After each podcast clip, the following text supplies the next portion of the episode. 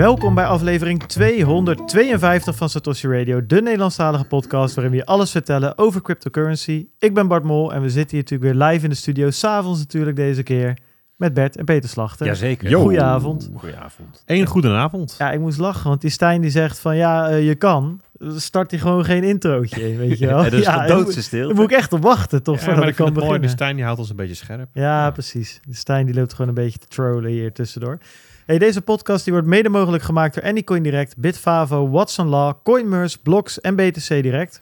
Alles wat wij vertellen is op persoonlijke titel en moet niet worden gezien als beleggingsadvies. Virtuele munten, reëel risico. Zo is Het het. enige wat zeker is, Ja, is het risico. Precies. Of zoiets. ja, ja. ja. Misschien moet jij me nog even erbij, eh erbij De zoeken. enige zekerheid in crypto is het risico. Ik geloof dat dat hem is. Ik vind het wel leuk als jij hem afmaakt, zeg Ja, maar, ook. vanaf, vanaf, eh, vanaf nu. Ik dacht, de enige zekerheid in crypto is een aanval van de overheid. Ja. ja, we zouden nog eens... eh, Een paardenhoofd van misschien moeten we- Elizabeth Warren op je Misschien moeten we deurmat. daar maar een Q&A op Spotify gaan doen. De enige zekerheid van crypto is... En dan mogen mensen die... eh, Een slagzin. Dat, slagzin. dat had je Oh, vroeger. dit een is- slagzin en dan insturen op een briefkaart. Het is de enige garantie in crypto is het risico. Oké, virtuele munten, reëel risico. Ja. Ja, maak de enige garantie in crypto is het risico, beste precies. mensen. Geldt overigens ook voor alle andere financiële markten. Ja. Ja, ja, een goede toevoeging. Eh, mocht je nog wat anders willen En kopen het oversteken dan... van de weg, Ja. bijvoorbeeld. ja. eh, nou goed, je ziet, die vul je nergens in. En dan kan je in ieder geval dat risico een beetje ehm, uit, eh, uitdunnen. Zo, wat Hey. gebeurt hier? Kijk, hoppa. Oeh. Dit dit zijn de nieuwe audio cues die we hebben in de show. Ja. Dus dit is, maar dit is toch mooi? Ja, het is Ja, prachtig. Ga lekker Even- door. Ja, nou, dat vind ik heel Mag moeilijk. dat, Ja, dat merk ik. ik vraag me ook af of die... Ja, zou die ook in de... eh, Ja, maar wat maakt het maar nou komt uit? die in de... In de Ja, dit wel. Dit komt Ja, dus dit- wel. maar, waarvoor, maar waarvoor staat die dan niet uit, die, die slider? Ja, omdat we filmpjes hadden. Nou, goed. Maar, maar dit, dit komt dus wel allemaal ja, in de dat weet hè? ik. Ja, Mensen, nou, ik ben sorry. even van me apropos. Sorry, ik kon Maar Bart goed, niet je- op de rails houden. Ja. Hij is ontspoord. Maar we, zijn, we gaan even terug naar de disclaimer. Ja, je ziet vul je nergens in. Oh ja. 24 woorden, 12 woorden. Er zijn er ook zoiets van 6 woorden. Nee. 12, 24 hè? En 36, 48? Ja, Nee, ook. Ook niet. 1224 zijn de, de, Wel de- 13 de en twee 25, die hè? ik ken. Je hebt ook Ja. 1325 Ja, en dan heb je een extra. Met een, met een passphrase erbovenop, Ja. inderdaad. Hartstikke mooi, maar die vul je dus nergens in. Eh, en als je hem ergens in moet vullen en je weet het niet zeker, check het dan even met iemand die er meer verstand van heeft. Ehm, als je wil, laat dan vijf sterren achter op Spotify. Like de video op YouTube. Dat kan je doen als je op YouTube nu zit te kijken. Eh, of het nou live is of Ah, moet morgen. iedereen die, die zit te kijken moet even liken. Ja, dat eh, Ah. vind ik ook. Dan komen we toch. eh, we hadden het er net over. We zijn toch een volledig self-supported podcast. Zonder grote labels, zonder grote merken erachter. Nou, we zijn nu zelf het grote ja, label. precies. Dat is het, hè? Ja. Media, wie kent het niet? Het is toch een productiehuis waar je u tegen zegt. Iedereen wil erbij, maar we Ja. laten niemand toe. Dat is, Het is eh, toelatingseisen. ik zeg, jij gaat, do- jij gaat naar Tony, jij gaat naar Dag en Nacht, ja, jij gaat naar BNR. Ja, tot nu toe zijn alleen wij door die, eh, over die hoepel heen gesprongen. Ja, door die echt- hoepel heen gesprongen. Bizar. Nou goed, we zijn bereikbaar via Telegram en Twitter. De links vind je op www.satoshiradio.nl. En dan hebben we nog Bitcoin Alpha, de enige nieuwsbrief die je beschermt en versterkt. Ehm, ja, wat moeten we daar nog eens over zeggen? Eh, we hebben er weer drie verstuurd deze week. Dus ehm, ja, ja, je, je, ik zou je maar abonneren als ik jou was. je zit op de, op de mooiste stoel naast de bestuurder. Weet je, Ja. een beetje dat gevoel krijg je. Ja, eigenlijk eh, ach- achter, dat is wel luxe. Je zit achter de bestuurder. Ja, zoals Ah. in zo'n grote touringcar, dat je voor dat grote raam zit. Ja. Heb je dat wel eens eh, gezeten? Ja, Nee, ja, nee. nee, echt niet. Hoe kan dat nou? Een grote tour, wat is een grote tour? Gewoon een, gewoon een grote bus. Zo'n Weet je, weet je, voordat je naar, eh, ben je nooit met, met je, Ja, met je Salau. klasgenoten naar Salau gegaan Ja, ja, of zo? Als je, als je, de Als je dan- rij stoelen, dan heb je toch zo'n Enorm raam voor je door het, door het Ja, maar de, de connotatie die ik heb met zo'n bus, toen ik daar in Salau uitstapte, toen dacht ik nooit meer. Nee, oké. nooit maar- meer. Dus dat is niet wat ik, dat gevoel wat ik met Alfa op wil roepen. Dat is een, een luxe, Oké, het bus, ging dure jij... eh, waar je achterin zit, weet je wel. En waar, en, en waar je instapt en je chauffeur die heeft de krantjes al neergelegd, op het juiste eh, oormerkjes aangebracht. En onderweg praat je nog even bij over, over de laatste nieuwtjes. Massagestoel aan. Massagestoel aan. ja, dat, dat gevoel heb ik dat er is weer meer bij. jouw vorm van Ja, transport. Ja, Ja, ja. nou ja, was het maar zo. ik heb eh, mijn auto, eh, die maakt veel te veel herrie, dus die moet dus even naar de... eh, kun je uitzetten, de, de volumeknop. Of bedoel je? Nee, nee, dat is niet eens een volumeknop in. Ik heb gewoon een Bluetooth die kanarie nou alweer kuren? Ja, het- ik denk dat het een, een, een, een, zo'n zo'n aandrijflijn, niet de aandrijflijn zelf, maar hij maakt gewoon heel veel herrie. het is niet de motor. Lekker uitlaat. Nee, het is ook niet de uitlaat. Nee, ik denk dat het een band is. Je de ramen dichtgedraaid? Nee, en niet een band. De riem, die ja, distributieriem. distri- Als die, als die herrie maakt, dan moet je echt Ja, dan oppassen. moet je wel Ja. even naar de garage. Nee, dat gaan. we ook doen. Ja, nee, oké. maar moet niet te lang meer wachten ook, Volgende hè? week gaat hij. Oh. Maar goed, dus... dan hoop eh, dat je in de tussentijd niet je hele motor vastrijdt. nou ja, goed. het is niet alsof het een Audi A7 is waar ik in rondrijd. Dus dat zal wel loslopen. Misschien zit er een Dassenburgt in. Dat is tegenwoordig vaak... eh, Ja, daar mag je niks aan doen. Dat is het lullige. Dan moet je echt... eh, Nou goed, nee, maar alle gekheid op een stokje. Bitcoinalpha.nl, eh, de enige nieuwsbrief die je beschermt en versterkt. En eh, elke week een eh Alpha Nieuws op je deurmat, een Alpha Markets op je deurmat. Eén keer in de twee weken een Deepen op de deurmat. En we hebben net weer een beetje zitten brainstormen dat er waarschijnlijk nog wel iets bij gaat komen. Ehm, We zien dat heel veel mensen gewoon nu inschrijven, 14 dagen gratis proberen Ja. en blijven plakken. Moet je wel even je realiseren als je dat dan probeert, dat je daarna blijft plakken. Ja. Want Je blijft ja, plakken. dat, dat is het eh, risico. Het enige wat, eh, soort wat sticky je zeker weet bij is het. Bitcoin Alpha is het risico dat je blijft plakken. ja. Dat risico is heel hoog. Ja. ja. Dus dat moet je je wel realiseren. Nee, ja, zeker. Dat moet je realiseren. Soort Ja, dat geven we ook netjes even aan van Ja. tevoren. Maar je blijft plakken. Dat kan ik je nu wel zeggen. Zo, hebben we dat gehad. Nou, hoe was de week? Daar hebben we niks. Mooi. Donaties. Niks deze week. we gaan het Nou ja, hele, gaan je, uitzending we hebben hebben, over het hele, we hebben een Ja, prachtig zeker. gevuld programma. Dus Ja, maar weet je hebt toch wel eventjes... Ja, eh, mooi, het leuke week, gezellig. Hè? Hartstikke leuk. Niks... eh, Ja, ik weet het eigenlijk niet. Mm. Het is nu donderdag, hè? Oh, die week die vliegt altijd ja, voorbij. dat is niet normaal. Ehm, ja, het was weer een eh, eventful week. Ik denk dat dat eh, de beste samenvatting is. We hebben natuurlijk, hoe heet het, Binance eh, Ja. gehad. We hebben een, eh, een, een koers gehad eh, die maar niet wilde dalen, terwijl iedereen dacht, nou, dat, dat, nu zal die wel echt hoogste koers gaan. dit jaar weer, de- dit seizoen, zeg maar. 29. 29,2. Ja. Ja. Ja, mijn, mijn, mijn eigen auto is aan gort gereden. Ja, Hè, dus het, het, het- ja, eventvol is wel. wat dacht jij toen je het fotootje doorkreeg? nou, ik, toen had ik nog geen fotootje. Oh, Oké. Nee, nee ik werd gebeld en eh, het was... eh, ja, Peet, ik sta langs de weg met pech. Pech, pech. Het is Verdomme, een Duitser gekocht. Ja. Die auto krijgt geen pech. Ja. Nee, niet zo. Freude am Fahren, hè? Ik bedoel, eh, niet Freude am Stuur staan. Ja, twee lekke banden. Twee lekke banden. Dat is, ja, Ik- ben je voor spijkers? Ja, ja, ja, er staat heel veel politie Is het omheen. GTA 5 of zo? Hoeveel sterren zie je? Niet voor Speed 14. Ja. Ja. Nee, maar eh, dat eh, was inderdaad even een klein ongelukje. Tenminste, ja, ik weet het eigenlijk nog niet zo goed. Want hij, die auto is dus opgehaald door een, eh, door een, ja, een berger. bergings, Ja, een ja, berger. En die eh, baalde als een stekker, want eh, ik had gezegd, ja, twee lekke banden. En hij had denk ik gehoopt dat het de twee voorbanden waren. Of zo. Ja. Dan kan hij namelijk gewoon aan één kant optillen en mee wegrijden. maar nu moest hij een hele stellage bouwen, omdat die auto natuurlijk gewoon helemaal omhoog moest. Ja. Nou, die is meegegaan naar het depot en hij is gistermiddag bij mijn garage teruggekomen. Maar ja, die belde ik vanmiddag in de auto. Hey, Is, is mijn auto? Niks gehoord. Mijn auto is al. Ja, die is binnen. Maar ik heb nog geen tijd gehad om naar te kijken hoor. ja, zo gaan die, die, die Zo dingen. vaag altijd inderdaad. Het, het verplaatst zich dan ook van een depot. Staat je auto opeens ergens op een depot. Moet je maar even kijken Ja. waar die terecht gaat komen. Maar ja, ik, Ja. Ik, ik weet dus niet precies of er meer schaast. Als Nee. bij twee banden blijft, nou ja, dan is het te overzien. Ja, ja moeten we compleet. Ja, ja, ik hoop het voor je. Zou zonde zijn. Mooi autootje. Maar ja. Ja, nou ja, dat, het is goed verzekerd verder. Maar ja, dan is altijd de vraag, ga ik het op de verzekering boeken of neem ik hem zelf? Want eh, op de verzekering boeken heeft ook weer gevolgen voor je... ja, die wereld kom ik opeens in na zeven jaar lease rijden. Ja. Dat is, Ja, dat- eh, dat- heb je opeens dat met no claims en zo te maken. Het enige wat ik voer, eh, rekening mee moest houden is eh, eigen risico. En dat kocht ik op een gegeven moment af. Nou dan, eh, dan maakt het niet Ja. uit hoe je een parkeergarage inkwam, zolang je er maar in kwam. Weet Ja. je, de rest werd wel gerepareerd. Hekken nog eh. niet open, gewoon duwen. Ja, ja het schelen. Precies. Zo, dicht mogelijk langs een pilaar. Dan staat hij goed strak. Ja, ja, ja. Ja, in nou, die zeven jaar heeft hij negen Tesla's versleten. Nee, nee, veel, veel mee hoor. Op een gegeven moment, eh, ja, weet je, op een gegeven moment moet je wel dokken natuurlijk. En dat gaat best wel hard omhoog. Maar het is minder erg dan dat je er zelf voor moet eh, opdraaien. Maar goed. Ja, nee, ik, ik moet zeggen, ik ook niet echt. eh, eh, Deze week ging vrij snel voorbij. Ben ik met je eens. Ik heb de hele week spierpijn gehad. Ik ben zondag gesporten. Nou, dat is niet normaal. Ik had zo'n last van mijn rug. Het leek, leek wel weer een puber gewoon. Dat was een soort groei. eh, Had je groei- toen last van je rug als puber dan? Ja, heel veel. ja, nee, serieus. Ja, ja, ik, Oh, oké.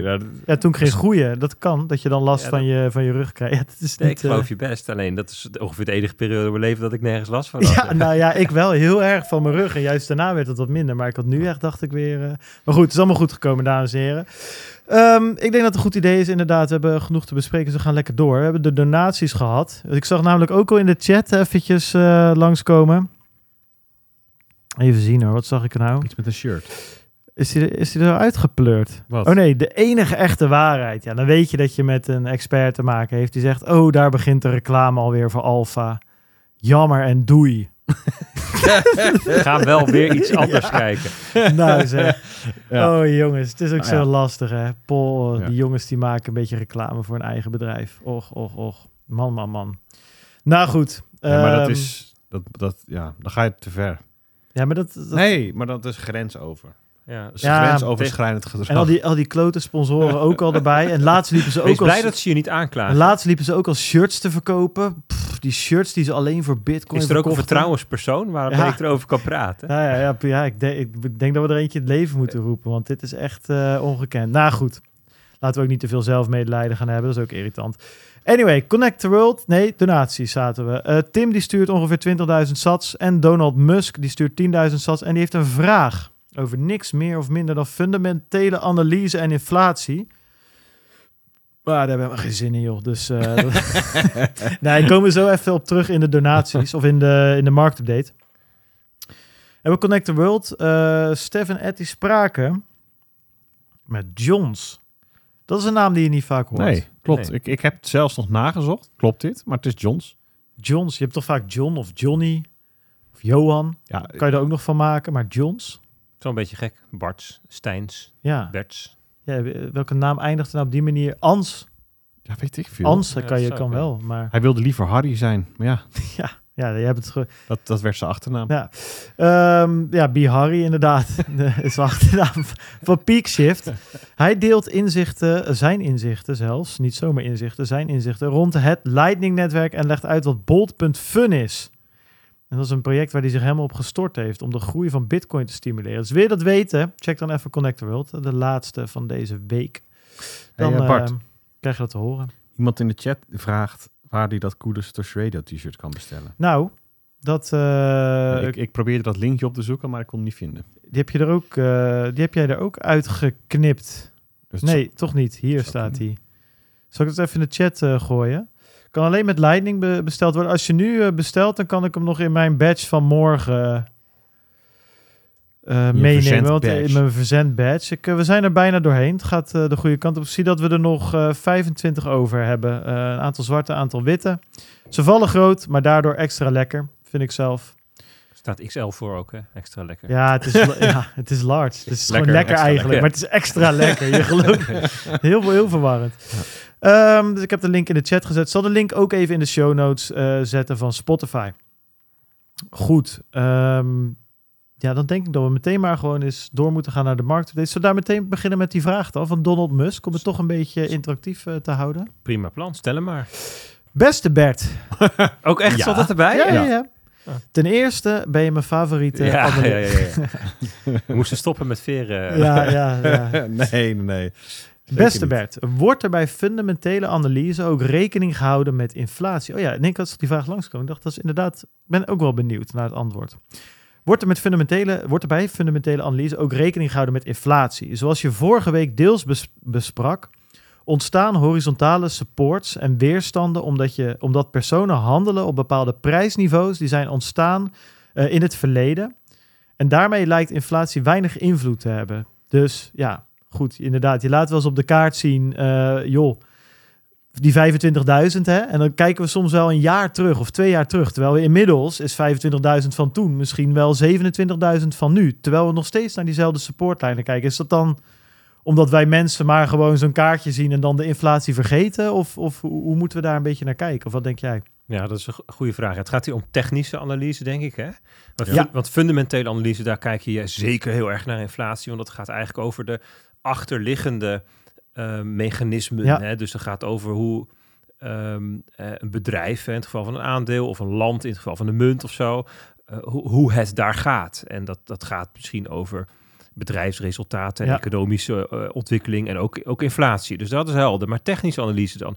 Want technische analyse... seconde. Stijn, kan jij bed ietsjes harder zetten? Ja, dat, dat zou ik ook, ook Ja. wel lekker vinden. Het, het technische analyse, dat, dat heeft te maken met het, met, ehm, het kijken naar ehm, prijsdata. Dus prijzen en volumes, koersen en volumes.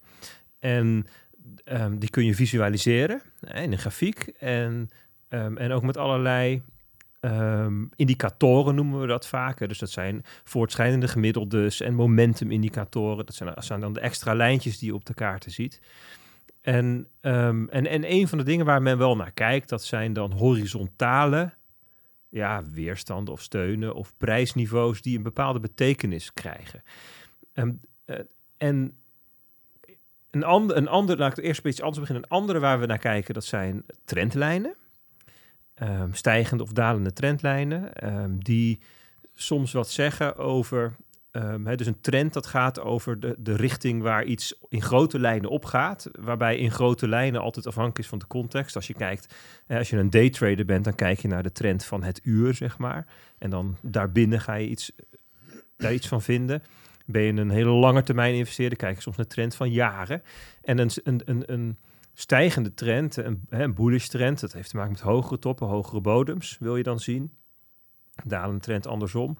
En Ehm, daar zou je kunnen zeggen dat, dat inflatie wel ehm, onderdeel van het verhaal is, omdat inflatie hè, bij een stijgende trend ehm, onderdeel is van de stijging, van de reden dat iets stijgt. Hè? Want, want wat is inflatie? Inflatie heeft te maken met eh, groei. Inflatie is een, een compounding concept. Hè? Dus eh, inflatie meet je in procenten, net als groei, net als Ehm, de groei van de geldhoeveelheid, economische groei, eh, dat soort zaken. Ehm, en dat is precies de reden dat je op lange, als je op lange termijn, dus je heel erg uitzoomt op elkaar, eh, zet je hem vaak op logaritmische y-as. Precies om dit effect, namelijk het effect van inflatie en groei eruit te halen. Dus je, je trekt een rechte lijn op een logaritmische y-as. Want anders dan zie je altijd die hockeystick. Kijk maar naar een willekeurige aandelenbeurs. Zie je altijd zo, het, het is horizontaal en dan helemaal aan de rechterkant gaat het ineens heel hard omhoog. Of je nou naar de S&P 500 of de AEX, maakt allemaal niet uit. Dus als je echt op, hè, dus naar decennia kijkt. Want dat is namelijk de termijn waarop normaal gesproken inflatie en zo zichtbaar worden. Dus voor trendlijnen kies je onder andere voor zo'n logaritmische gra- grafiek, omdat er altijd iets van groei in, in verwerkt zit. Omdat de economie nu eenmaal groeit. Of het nou is omdat die groeit omdat onze productiviteit toeneemt... of omdat er geld geprint wordt, dat maakt eigenlijk niet uit. Want daar is inflatie onderdeel van. Dan naar die horizontale. Ja, daar is dat niet automatisch. Dus als je daar eenmaal die 25.000 of whatever voor niveau hebt gekozen... ja, dat is wat het het blijft wat het is. Dus je zou kunnen zeggen, nee, daar wordt geen rekening gehouden met inflatie. Daar kijkt niemand naar. Daar compenseert ook niemand voor. Ehm, Maar het gaat daar ook minder om het prijspunt. Het gaat daar meer om de marktstructuur. Ja, De vorm van de grafiek in feite. Ja, de vorm van de grafiek, maar soms heeft het ook nog te maken met waar stoplosses liggen bijvoorbeeld. Dus dat is gewoon gedrag van eerder. Dus dat, dat is dan het punt waar je op winst of verlies komt te staan. Daar wil je iets mee. Ja, of je op winst of op verlies staat, dat compenseer je dan niet voor inflatie. Niet je zegt van nou, ehm, omdat het 5% inflatie is, wil ik Mhm. Ehm, leg ik mijn stoploss ergens anders, omdat ik anders in reële termen niet op winst zou staan. Dat is niet wat men doet in de praktijk. Ehm, maar het zou helemaal niet gek zijn. Dit is eigenlijk pas een vraagstuk als je echt hoge inflatie hebt. Want bij 1 of 2 procent is het op niveau van een jaar eigenlijk al niet eens zo boeiend. Maar het- je hebt dus gelijk. Ehm, dat is niet waar men naar kijkt. En het is überhaupt best een interessante vraag waarom je nou precies kijkt naar deze ene kaart. Met deze, eh, met Maar is- deze is, lijnen. het niet zo dat, dat, dat de prijs... Kijk, wij, wij hebben het vaak over de prijs, omdat dat refereert naar iets in het recente verleden. Hè, dus dan, dan wordt het wat concreter. Maar voor de technisch analist is het niet zozeer de prijs die ertoe doet, maar ja, wat is het? De vorm die die signaleert, Ja. de, de structuur die die ja, ziet. ja, maar het, je- Ja. het is wel uitgedrukt in iets. Dat, daar wilde ik heen. Dus als je kijkt hebt over de Bitcoin-koers, dan hebben we het altijd over Bitcoin tegenover de dollar, BTC, USD. Mhm. Maar waarom zou je niet kijken naar de Bitcoin-yen-koers of de Bitcoin-euro-koers of de Bitcoin Turkse lire-koers? En als je daar naar die grafiek kijkt, dan liggen die, die, die, ligt, ziet die marktstructuur er ook al anders uit. Klopt. En ja. dus het is ook toch een soort van conventie dat je naar een bepaalde Ja, het hoogste volume. Gewoon, ja. Ja, dus, dus er, er zit wat dat betreft iets. ehm, ja, Nou, het is onwetenschappelijks of onexacts in. Dat is het toch ook? Het is, uiteindelijk is de markt gewoon een, een spel met heel veel deelnemers. Ja. En iedereen probeert dezelfde spelregels te hanteren. Want alleen als je dat doet, Juist. heeft, heeft het spel ook daadwerkelijk een uitwerking. Dan, ga je, dan heb je het eigenlijk over de schoonheidswedstrijd van Ja. Keynes, hè, de beauty contest. Oh. Hè, die zei ooit, dat was het een heel mooi verhaal, die Keynes die, die, die had het ooit over de beauty contest. Dat was destijds nog in een krant. En hij, hij, hij vertelde dan het verhaal van stel dat er staan zes, dat kon je toen nog gewoon zeggen, hè, zes, zes mooie vrouwen stonden er in de krant. En dan eh, de beauty contest kon je winnen als jij ehm, eh, eh, als inzending naar de krant, dat moest je dan doen met, een- met een briefkaart of zo, of weet ik veel, met een eh, koerier, met de postkoets. En dan kon je Duif. inzenden. Met een duif, ja precies, een uil. Hè. dan kon je inzenden. En eh, als, je goed, als je goed zou gokken wie er won, hè, dus als degene die wint ook dat, degene is die jij hebt gegokt, Maar dan kon je een prijs eentje? winnen. Nou, de meeste stemmen. Ja, oké. Ja, ja, ja. Ja, dus je ging stemmen en als jij dan op de gestemd op degene met de meeste stemmen, dan win je. En hij zei van ja, eh, zeg maar, je kan eerste orde denken, zeg van nou, ik eh, kies degene die ik het mooist vind. Maar dat is niet per se slim. Eigenlijk moet je kijken naar, ehm, ik moet stemmen op degene waarvan ik denk dat alle mensen hem gemiddeld genomen het mooist vinden. Haar dan. Haar, Ja. het, het, Ja. it, Haar. de- de- them. Nou, niet hem in ieder Ja. geval. Eh, maar, dus dat is eigenlijk al tweede Dat zou orde denken. tegenwoordig zo zijn. Precies. Tweede orde denken. En derde orde denken is van ja, maar als iedereen zo denkt, dan moet ik dus niet stemmen op degene waarvan ik denk dat die het meeste stemmen gaat krijgen. Dan moet ik stemmen op degene waarvan ik denk dat alle anderen denken dat die het meeste stemmen gaat krijgen. Weet je, dus en op die manier kun je als vierde en vijfde orde manier gaan redeneren over zo'n markt. En dan kom je op het punt wat Peter zegt van ja, ehm, je kunt wel zeggen ja, die, die markt... ehm, die houdt rekening met inflatie wat stom. Ja, maar als iedereen dat doet, is dat wel de manier waarop je ernaar moet kijken. Ja.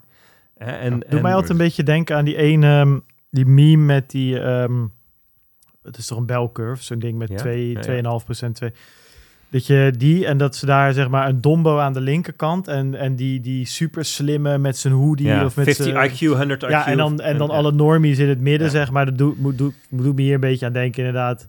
Dat je uiteindelijk dan toch weer als hetzelfde antwoord als de dombo uitkomt, omdat dan, dan toch een beetje gewoon uiteindelijk ja, het antwoord blijkt te zijn. Klinkt een beetje gaar, maar zo is het vaak wel.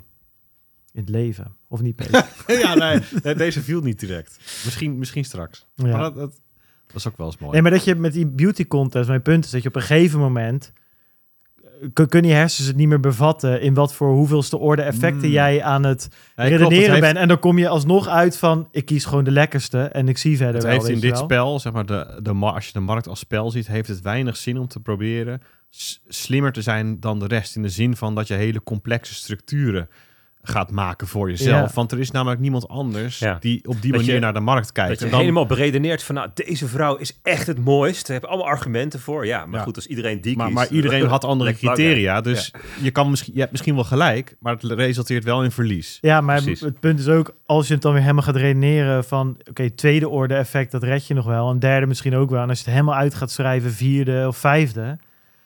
Maar als je die weg helemaal bent ingeslagen, moet je eigenlijk door tot de honderdste. Ja, dat red je niet. En dan Ja. kom je er toch misschien wel op uit van, ik kies, gewoon maar de, ik kies gewoon de knapste maar. En ik ga er maar vanuit dat iedereen die ook gewoon kiest aan het einde. Weet je wel, ik ga gewoon lekker door met mijn leven voor de rest. Ja. En misschien win ik een keertje. Dat, dat is toch een beetje hoe, hoe ik de markten benader. Van joh, DCA er maar gewoon in. En ik probeer vooral niet slimmer te zijn eh, dan dat ik ben. Dat is ook moeilijk hoor, trouwens. Ja, die, is, die is echt heel ingewikkeld. nou goed, ehm wie had de vraag ook weer gesteld? Was dat eh, Ben? Nee, Dan- Donald, Donald. Donald Musk. Oh ja, Donald Musk. Nou, ik hoop dat je, ehm, dat je hier wat mee, eh, mee, eh, mee kan. En er wordt in de chat ook gezegd, ja, TA en FA, fundamentele analyse, technische analyse, zijn totaal wat anders. Ja, dat klopt. Dat werd ook even goed rechtgezet eh, door Bert in zijn verhaal. Ehm, dan denk ik, eh, of zitten er nog wat, of willen we eerst even marktupdate? Ik zie nog wat Ja. vraagjes staan. Wat, ik hoe, zou eh, van de volgorde van de... gaan we een marktupdate doen, denk ik. Goed idee. Ja. Laten we dat eens doen. Ik heb een grafiek eh, meegenomen. Die eh, heb ik, had ik gemaakt voor de Amdax Weekly, die wij, eh, help, waar wij mee helpen, Peter en ik mee helpen. En ik denk, die is eigenlijk al zo mooi. Die ga ik gewoon even laten zien. Dit is namelijk, bovenin zie je de Bitcoin-koers in het Bitcoin oranje. Geel, ja, ja, ja. het zit een beetje tussenin. Ik vond hem wel mooi, beetje goudachtig. Het digitale goud, dat is toch een beetje thema. En onderin de Nasdaq, de Amerikaanse tech-index. En ehm, daar op, op, op die grafiek getekend, of eh, aangeduid een aantal momenten in de tijd. Dat begon op 22e. ehm, ik zal eventjes kijken wanneer dat was. Woensdag, de 22e, vorige week woensdag. ehm, s- s ochtends heel erg vroeg, was geloof ik eh, tien voor één s'nachts voor ons. Kwam het rapport uit van de White House. Die, hadden, die hebben ehm, ja, een heel dik rapport over van alles en nog wat geschreven met een hoofdstuk over crypto Ja, waar ook wat lelijke dingen in gezegd werden. En ehm, weet je, ik heb het hier even opgezet omdat het ook paste, want eigenlijk in, in een week tijd hebben we wel, wel, wel, wel tien dingen eh, gehoord die, die, die kwaad spraken over, Bitcoin of over crypto. ja even voor, de, voor onze lieve luisteraars die niet meekijken. We hebben nu dus inderdaad een weekkaart Ja, ja, ja dus neus, links hè? is het de ja. twintigste en rechts is het de dertigste. Ja. Dus het is een, dag of tien, dag of negen. precies. Dus het is redelijk ingezoomd en daar zien we eh, die, die koersen en dan een aantal dingen erop op geschreven. En je zou er wel tien dingen op kunnen schrijven. hè. Ik heb er nu een paar uitgekozen, namelijk dat rapport van het Witte Huis. En dan op de 23ste, ja, vlak voordat het eh, middernacht was, kwam eh, eh, het bericht naar buiten dat Coinbase aangeklaagd werd door Ja. de SEC. De effectenwaakhond. En die dan, hebben we vorige week in de podcast nog meegenomen, hè? Dat zou heel dat goed Ik kunnen. denk het wel, ja, ja. die week bijna, week bijna Want die was, die, ja, die was net inderdaad op die donderdag. Dat heeft P toen eh, uitgewerkt. Rechtszaak tegen Coinbase. En, ja, ehm, can confirm. En de 27e, dus dat is dan maandag geweest. Toen, helemaal aan het eind van de dag, toen werd ehm, Binance aangeklaagd door de CFTC. Binance en CZ, de CEO. Ja, en eh, de, de manager eh, compliance, of hoe heet die, die Lim, die eh, andere Ja. vent. Klopt, ja. Nou goed. en, Samuel als je, Lim. en als je heel precies kijkt wanneer Binance aangeklaagd was, was dat wel grappig. Ik, ik zag dan de dag daarna een bericht in het Financiële Dagblad. En dan ehm, nou, best wel gewoon prima beschrijving van wat, er nou, wat, de aanklacht was, wat er aan de hand was. En dan natuurlijk bij, ja, de Bitcoin-koers die, eh, die daalde. Maar als je heel goed gaat kijken wanneer dat bericht naar buiten kwam, dan is dat eigenlijk na de daling. Want Bitcoin daalde, daalde inderdaad op de 27e maandag zo'n 1000, 1200, 1300 dollar. Best wel snel ook. Best wel een crashje. Ja, van en naar. Ja, van 28 naar 26,5 of Ja, zo. het was Weet je, iets die... weer eh, vervelend in die 26, Ja, dacht ik bij mezelf. Dus dat ging... Ja, ja, je bent snel, hè? Maar je, gaat- nee, ja, serieus. Dat je denkt, we zitten nu, maar daar kom je vast straks op terug. Dus zal het gras niet voor je. Maar mijn gevoel is de hele tijd, wanneer nou even lekker door die 30 heen, weet je wel? Dit, dit geëmmer rond. Bart, deur open? Bart, we zijn in, een- in een paar maanden tijd 80% gestegen. Ja, snap ik. is nog niet genoeg. Tuurlijk. Nee, het- het- Ongeduldig zeker. ben je. Nee, het is hartstikke genoeg, weet je. Ik vermaak me wel verder, maar het is... Ja, die Ah, blokklok. verdomme. ik denk dat Dus, Bart eh, wel een goede typering is van de huidige staat van de markt. Ja, Ongeduldig. Beetje wel, hè? Ach, Beetje. te gretig. Ga jij nou zitten, hier een beetje zitten alsof jij de, de, de, de, Ik, de eh, Gandhi van... Overhaast. nou, over het algemeen ben ik zijn ghostwriter, hè? Ja, ik doe niks, ik zet alleen mijn handtekening maar, maar het is, toch- het is interessant dat, dat als je gaat kijken naar gewoon ehm, hè, de timing van wanneer dat CFTC-bericht kwam, en dat is echt, dat is allemaal natuurlijk georchestreerd. Hè, dus er waren wel mensen die dat al wisten. Eh, maar dan zie je precies om twee voor drie en één voor en dan precies om nou, een elf uur s'avonds of zo onze tijd. Pam, overal op alle outlets, Twitter enzovoort. Binance aangeklaagd door CFTC. Maar dat is dus na de daling. En dan zeg je, ja, maar dat is uitgelekt. Maar als je gaat kijken naar de Nasdaq, die heeft eenzelfde soort daling op hetzelfde moment. Ja, Dus dit was meer een marktgebeurtenis dan dat het per se een reactie was op Binance. Interessant. Oké, gaan we even kijken naar Coinbase. Op de dag dat Coinbase werd aangeklaagd, toen daalde Bitcoin ook flink. ja. Heeft het met Coinbase te maken? Nee, want de aankondiging van Coinbase, dat was ja, eigenlijk anderhalf, twee uur na de, de einde van de, het einde van de daling. En dat begon dan nog weer daarvoor. Wanneer begon dan die daling? Die overigens ook zichtbaar is op de Nasdaq. Namelijk bij het rentebesluit van de Fed. Dat was namelijk net een paar uur daarvoor. Ja.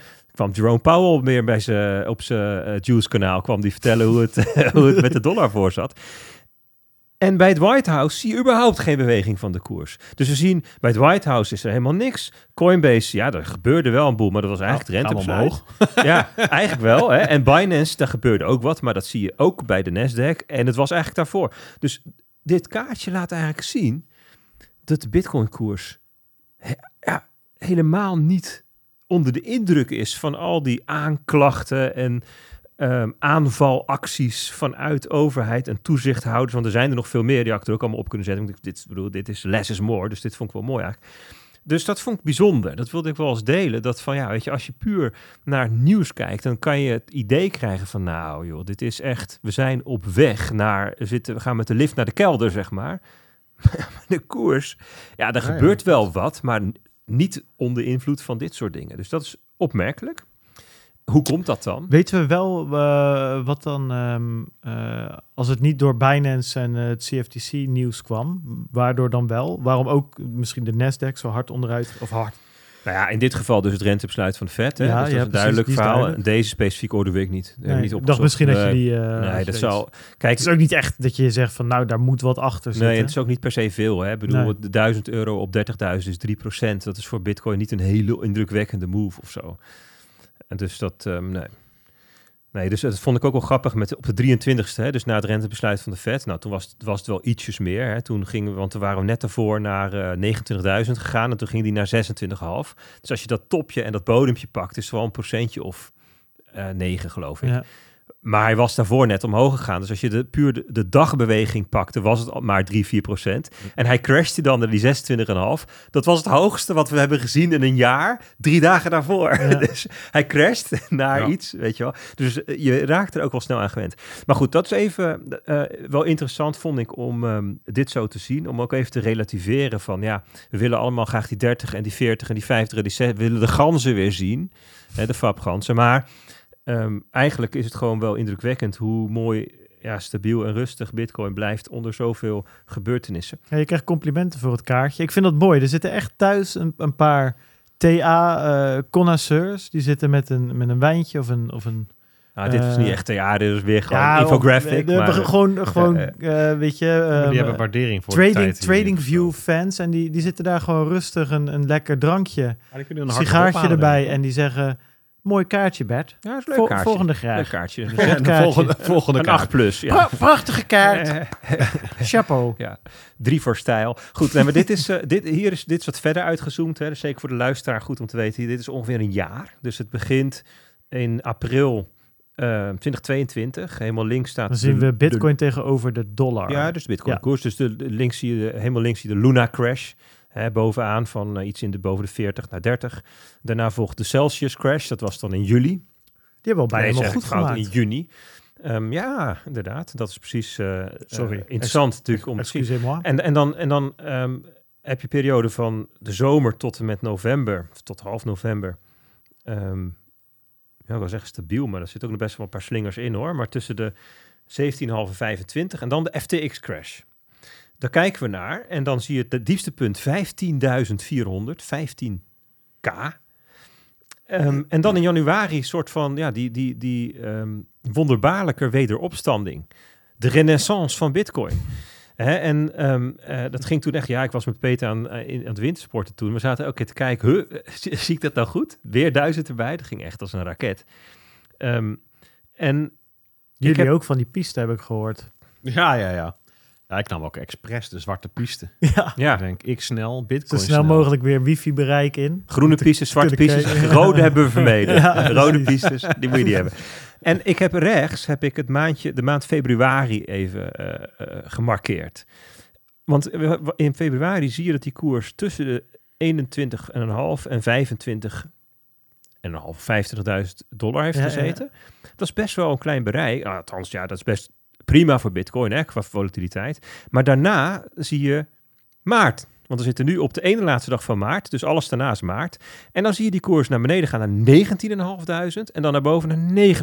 Ja. Dat is natuurlijk een ontzettende beweging die we in maart weer hebben gemaakt. We hebben in maart ja, zo'n eh 35, 40 procent, nee 50 procent bijna aan, aan koerswinst gehad van die 19 naar die 29. Dat was wat, wel fors. Maar ik vind het wel belangrijk, Bart ook, hè, je zegt net van, joh, wanneer gaan we die 30 zien? Even het perspectief te pakken, dat we nu dus 88 procent, bijna 90 procent hoger staan dan op 21 november. En het is ook nog wel aardig om 1 januari even te pakken. Ja, dat is ook zo'n startpunt. 16,5 geloof Ja. ik. Daar staan we nu ook 80% boven. Zeker. Hè, dus Ja, het is echt, het is echt wel ehm, een bizarre ehm, eh, eh, st- stijging gezien eigenlijk. En je zei net, eh, denk ik terecht, je zit nu in het koersbereik van voor de Celsius crash. Ja, want voor Celsius, wat was, zal het piekje daar geweest zijn nog? eh, wat we Ja, daar... 33 deze bedoel je, Ja, hè? precies. Het ja. zit dan tussen de eh 25.300 en de 33. zit er net, eh, zoals je bij recepten wel eens een snufje zout hebt, zit daar nog gewoon een snufje... We zaten een snufje hoger. Ja, en hier zit een, hier zit een scheutje lager. Hier. Ja, een scheutje aan zijn. Ja, scheutje Ja, maar aan zijn. call, call jij de boelmarkt al? Nee, sowieso niet. Nee, want de Nasdaq zit wel in de boelmarkt, hè? Ja, ja, ja, precies. De definitie, hè, wanneer is een, boel, een, boel- een boelmarkt en een bearmarkt? Nou, ik zei net al op de vraag van, eh, van meneer Musk. ehm, een, een boelmarkt is in principe of, hè, een, een bullish trend. Hè, want wat is een boelmarkt? Een bullish trend is hogere toppen, hogere bodems.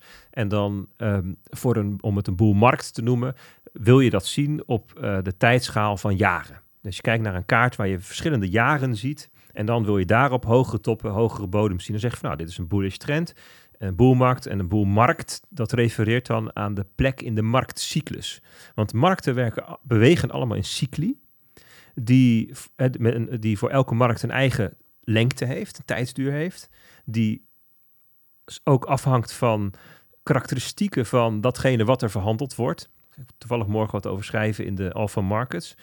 Ehm, en dat heeft, het heeft bijvoorbeeld te maken met hoe snel ehm, eh, eh, p- productie kan reageren op een tekort. En dus als er ergens een Mhm. tekort van is, hoe snel kan er meer van geproduceerd worden? Dat is zo'n soort effect. Of wat is de verbinding met seizoenen? Of wat is de verbinding met de conjunctuurcyclus? Er zijn allerlei redenen, of de, of de credit cycle. Hè? Dus het gaat over de groei en de, de krimp van, van krediet en schuld. Dus er zijn allerlei manieren waarop die, die cycli worden beïnvloed. En, en, maar, maar de volgorde daarin, die is altijd hetzelfde. En dat heeft te maken met, met, met, ehm, met sentiment en met gedrag van mensen. Dus het is een soort, weet je, de marktcyclus is een soort emergent verschijnsel van hoe mer- mensen met elkaar interacteren. En d- het is, daarom is het ook, en we hadden het van de week in de auto even over Peter Brand. Mhm. Ja, die volg je vast wel op Twitter. Dat is nou echt een technisch analist. Maar die doet dat dus al 60 jaar of zo. Die man is ook 114. Nee, ik weet niet, maar hij is, hij is serieus. 40 jaar. Die doet dat al. Ja. Die, doet het, Hij doet het al die langer deed het al onder koningin Victoria in. Nee, maar hij, hij vertelt, hij heeft eens laten zien. Dat toen hij begon, toen maakte ze die kaart nog met de hand. Had je graf, grafiekpapier en dan tekende je dus elke dag, welke week, de volgende candle. Die moest je gewoon zelf tekenen. En, en- kleurplaats wel. ja, en de moving average uitrekenen en dan een stukje erbij, weet je wel. Ja, bizar. Maar dat, bedoel, zo oud is Dus de tijd van de. VOC nog waarschijnlijk. Nou ja, ik, denk, ik denk dus jaren 60, jaren Ja. 70 die kant op. En dan had je het over de, graan, de graankoers of zo, of Ja. de goud of zilver. En, ehm, maar waar- waarom zeg ik dit? Ja, omdat de marktcyclus toen ook al was wat die was. Want die, het, die is niet veranderd. Hè, dus de volgorde der dingen. Dus we, we, we citeren bijvoorbeeld wel eens... Ja, we geloven dat het Baron Rothschild is of zo, hè, van... eh, Mm, ja. uh, buy when the blood's in the street. Hè? Koop als blo- bloed door de straten vloeit. Ja, dat is nu niet anders dan toen. En dat, dat soort mechanismen. Hey, en het grappige is natuurlijk, ik zag een tweetje van jou voorbij komen, Bert, deze week. ehm, of een draadje was het over, eh, over de banken, bankencrisis. En, eh, maar, je, maar je schreef over dat er twee, dat er wat, weer wat dingen anders zijn dan de vorige keer. Hè? Mhm. Dan ten opzichte van 2008. Een van de dingen die je noemde is dat. Eh nou, eigenlijk de twee dingen die je noemde. Het eerste is dat er tegenwoordig social media is. Dat het veel makkelijker eh, kan verspreiden. Hè? Paniek onder mensen van, oh shit, de ING gaat kapot. En de ander die maakt het nog overdrevener. En voordat je het weet, gaat iedereen zijn geld weghalen bij eh, ING. Wat ook veel makkelijker is, omdat ING tegenwoordig een hele goede digitaal bankieren app heeft. Hè? Wat die banken in 2008 niet hadden. Helemaal in Amerika. Het interessante is eigenlijk dat dat iets mogelijk maakt wat iets het, het is niet iets anders. Het is meer, het versterkt wat er al was. Zeg maar, die paniek was er vroeger ook al. En dat mensen tegen elkaar gaan praten en dat ze elkaar op gaan bellen of dat ze bij elkaar langslopen om te zeggen van joh, het gaat niet goed eh, bij de Rabobank, was Ja. er al. En eh, tuurlijk, dan moest je naar het bankkantoor zelf om je geld op te halen. Dus dat, dat, dat is wel, je ziet daar dat, dat die dingen wel door de tijd heen wel anders worden. Eh, of een andere uiting krijgen, of sneller gaan, of e- eerder een globaal karakter krijgen, of mondiaal karakter moet ik eigenlijk zeggen. Maar dat de, de, de, de, ja, het onderliggende falen is nog steeds een soort van menselijk. Ik zat een podcast te luisteren waar het dus ging over ehm, met Silicon Valley Bank. En die hadden dus een, eh, als gast een paar eh, venture capital eh, em, em, ja, partners, hè? dus die zo'n venture capital bedrijf hadden. En die zeiden van hoe, hoe dat eraan toe ging. Die zeiden van ja, ik hoorde dat er wat fout ging. En die gingen al hun bedrijven die ze in het portfolio hadden bellen. Nu je geld weghalen bij S. De grootste angsthazen, zeg maar, de grootste paniekzaaiers waren dus die VC's die naar al Ja, die tuurlijk. bedrijven gaan zitten van nu, nu weg. Ja, Zolang we maar als eerste door die uitgang heen zijn. En inderdaad, omdat je dus dan allemaal van die eh, CEO's bij die techbedrijfjes hebben die, nou ja, net, net zoals zo'n Musk, die, die, die smijt ook zijn miljoen, die, die smijten met miljarden en miljoenen alsof het niks is. Dus die zijn al gewend om dat, om hun geld van hot naar her eh, eh, te slepen. Dus die pakken een app erbij inderdaad en die halen het weg. Maar uiteindelijk is het gewoon nog steeds mensen die ja, ja, bang worden, onzeker worden. En ja, Ja. dat is, dat, ik weet niet meer precies hoe ik hier kwam, maar ik kwam er omdat dat, ja, omdat dat dus bij Ja, ik heel... had het over ja. de, de marktcyclus die eigenlijk altijd hetzelfde is. En je Ja, zegt ook, zie je ook, ook. ook ja. in zo'n bankruns bankrun. zijn altijd hetzelfde. Is een beetje het punt dat jij maakte, P, twee Alleen- weken terug. Dus eh, zeg maar het mechanisme, het achterliggende mechanisme is altijd hetzelfde. Alleen de manifestatie, de verschijningsvorm die verandert omdat ehm, eh, de wereld meer connected is, meer ook eh, onderlinge verbindingen heeft. eh 24/7 aan, Twitter gaat 24/7 door. Ehm, het is viraler, hè, Ja. dus eh, maar je kunt heel makkelijk iets versterken of vergroten of uitvergroten of overdrijven. Ehm, en, en, en die alfa waar je het over had, en dat stuk is eh, publiek leesbaar. Dus ook als je geen abonnee bent, kun je er even naar kijken. Dat is de Alpha Markets van eh, vorige week vrijdag. Dat hele eerste stuk, dat kan je gewoon bekijken. En ehm, het is op zich wel, wel, wel een interessant, interessante lens om naar die bankencrisis te kijken. Want er zijn eigenlijk twee soorten dingen veranderd. En je had het net over het verloop van een bankrun. Die is anders geworden, omdat we nu eh, mobiele, eh, mobiele apps hebben. En omdat onrust viraal kan gaan.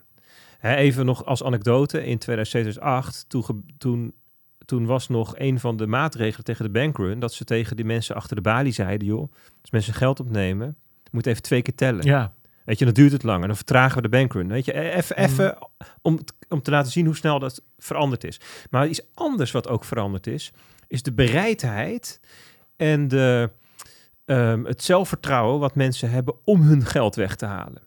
Dus, dus omdat we nu 10, 15 jaar van lage rente hebben gehad, van 0% rente, zero eh, interest rate policy, zijn heel veel mensen eh, bekend geraakt met andere dingen dan je geld op een rekening laten staan. Met beleggen, met ehm, een huisje kopen, Ja. met whatever. Gewoon mensen zijn gaan nadenken over het beheren van je vermogen. Dus mensen zijn eh, ehm, mentaal veel meer bereid om nu te zeggen: oké. Ik ga wat anders doen. Ik ga het weg, weghalen. Ik ga het in een geldmarktfonds stoppen. Ik ga staatsobligaties kopen. Dus die hele uitstroom van deposito's die je ziet, dat is ook weer een gevolg van ja, dat er dingen veranderd zijn. Dus dat is wel even... Wat wel een interessant is, wat, wat me nu te binnen schiet, waar ik, waar ik, waar ik wel eens jouw, jouw hoe ja, noem je dat? Your brain, I want to pick your brain. Maar dat is in het Je Nederlands hersenen wil beetje... stelen. Ja, je hersenen eruit wil prikken. je hersenen wel peuteren. ja. Nee, maar ehm, je had natuurlijk bij bankrun, dan ging je normaal naar een bank en dan eh, kwam je daar je geld halen in cash. Ja. En daar ging het fout, want dat cash lag niet in de bank. Wat ik nu wel grappig vind, is dat het ehm, al die, als het over digitaal, een digitale bankrun Ja. gaat, in veel gevallen ging het over overschrijven naar een andere bank. Klopt, Dus dan, dat is wel, er zit natuurlijk in de kern iets heel, want ja, Ja, dus Dat- de vraag is van, hè, als je de bankbalans hebt, heb je aan de ene kant heb je de, de bezittingen, de assets, en aan de andere kant de liabilities. Daar staan je deposito's. En aan de assetzijde, welk gedeelte van die assets is liquide? Eh, wat is liquide? Nou, bankreserves. Dus wat de, wat de commerciële bank bij de centrale bank aan reserves Ja. heeft, dat is liquide. Dat kan nu aan een minuut deze seconde naar een andere bank toe. Maar er staan ook bezittingen tegenover de eh, eh, schulden, hè, de schulden aan de klanten, de rekeningen dus. Er staan ook bezittingen die zijn niet liquide, zoals hypotheken die zijn uitgegeven, op, hè, dus hypothecaire leningen of bedrijfsleningen of obligaties. Daar ging het om bij SVB, die hadden obligaties eh, op de balans. ja, En, en stel dus dat op een gegeven moment je, je bankreserves op zijn, ja, dan zul je dus iets liquide moeten maken. Nou, dat, hè, dus dat kan zijn obligaties. Stel je hebt daar obligaties staan, staatsobligaties. Nou, die zijn, die markt is ongelooflijk liquide. Dus je kunt zonder slippage, hè, kun, Ja. je, hè, kun je ontzettend veel daarvan liquideren. Dus op zichzelf is dat prima spul om daar te hebben staan. Want je kunt gewoon zeggen, Nu ga ik het verkopen en Ja. dan heb ik daar, hè, je verkoopt, wat krijg je terug? Bankreserves, top. Het probleem van SVB was dat het spul minder waard geworden was. Ja, ze maken ze verlies dus ze konden het wel liquideren, maar dat doet pijn. Ja, Dus dat wilden ze niet. Dus dat is het hele, het hele idee van die... ja van en dat die, deed niet alleen pijn. Ze kwamen daardoor tekort. Nou ja, ze kwamen daardoor op een gegeven moment, want, want dat, dat verlies wat je dan maakt, dat gaat dus in eerste instantie eh, eh, ten laste van je eigen vermogen. Ja. En dat is op een gegeven moment op. Ja, dat is- precies. En dat zagen ze gebeuren. Zeiden ze, oké, nu moet de boel dicht.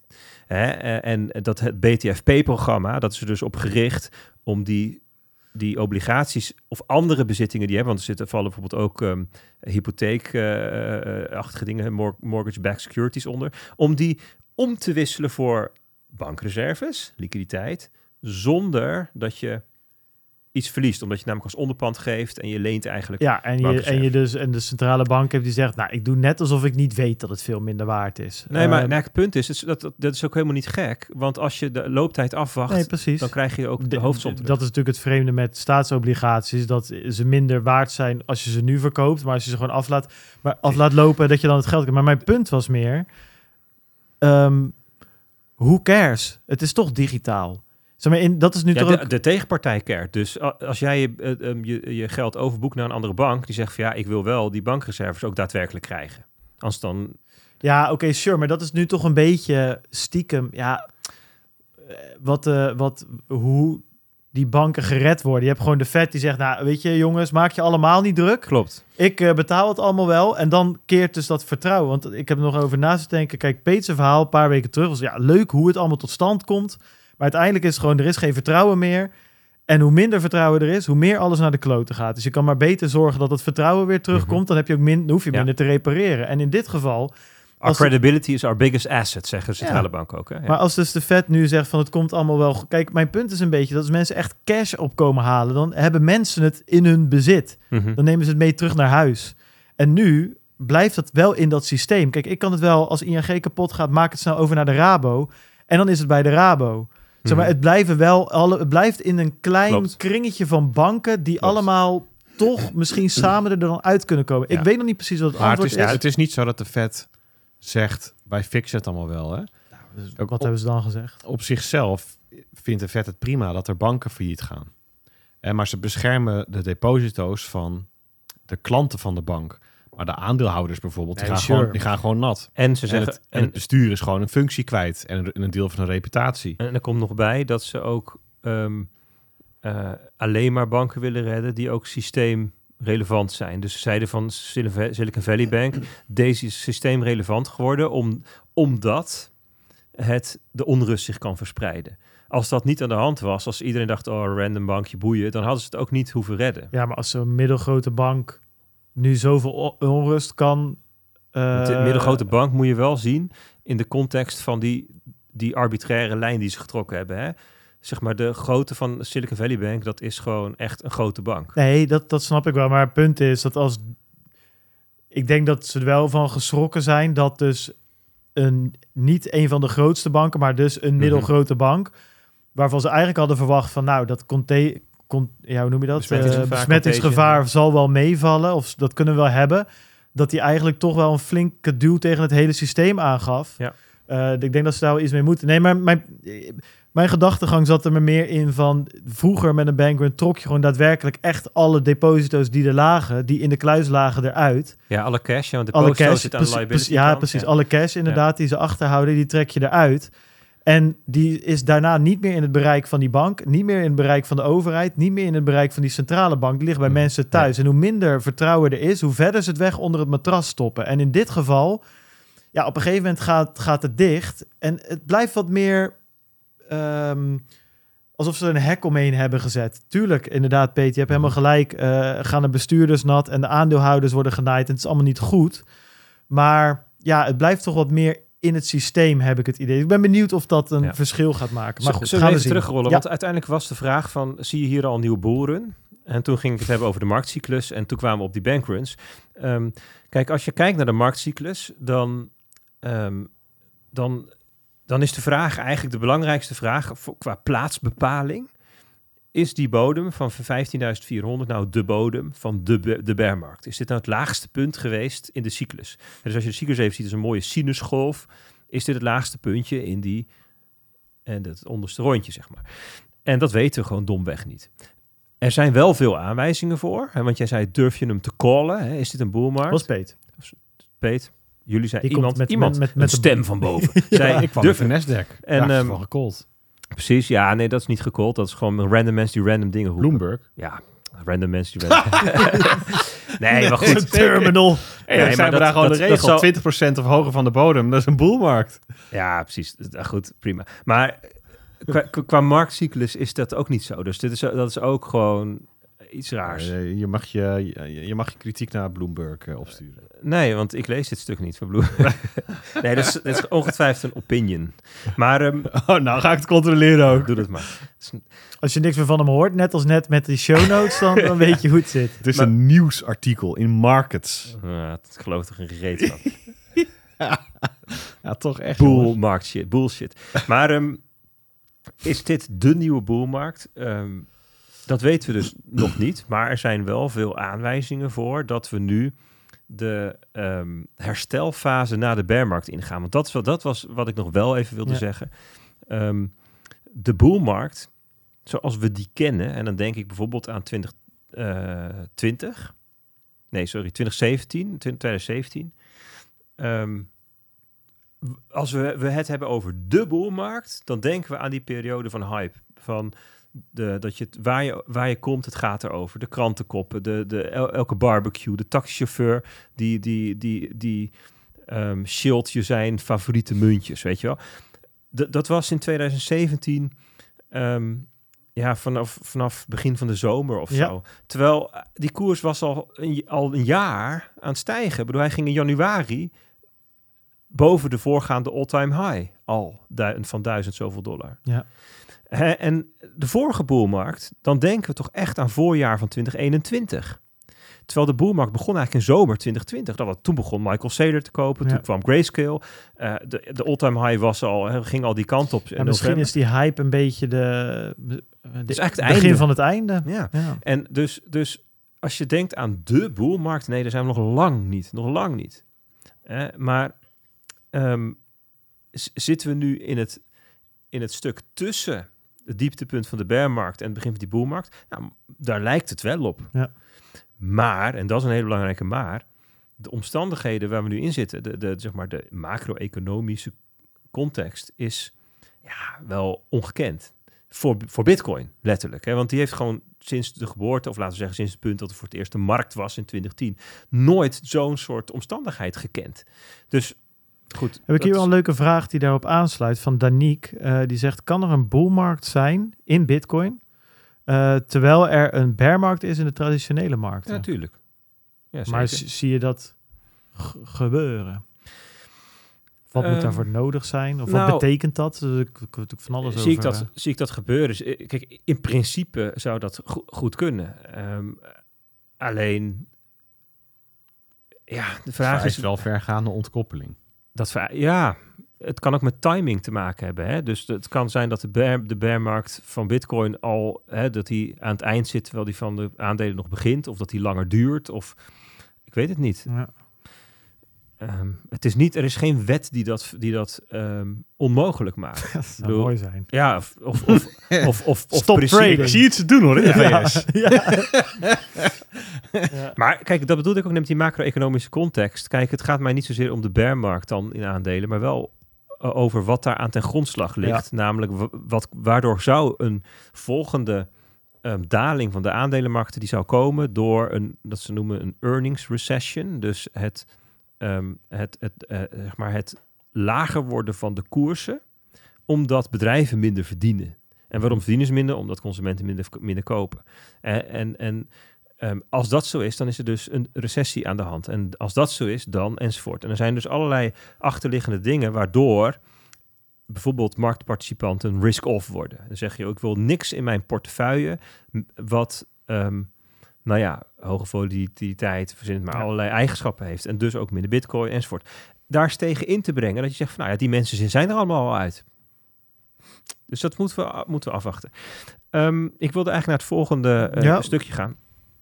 Want ehm, ja, even gewoon even tussendoor. Dit is de grafiek van de Nederlandse inflatie.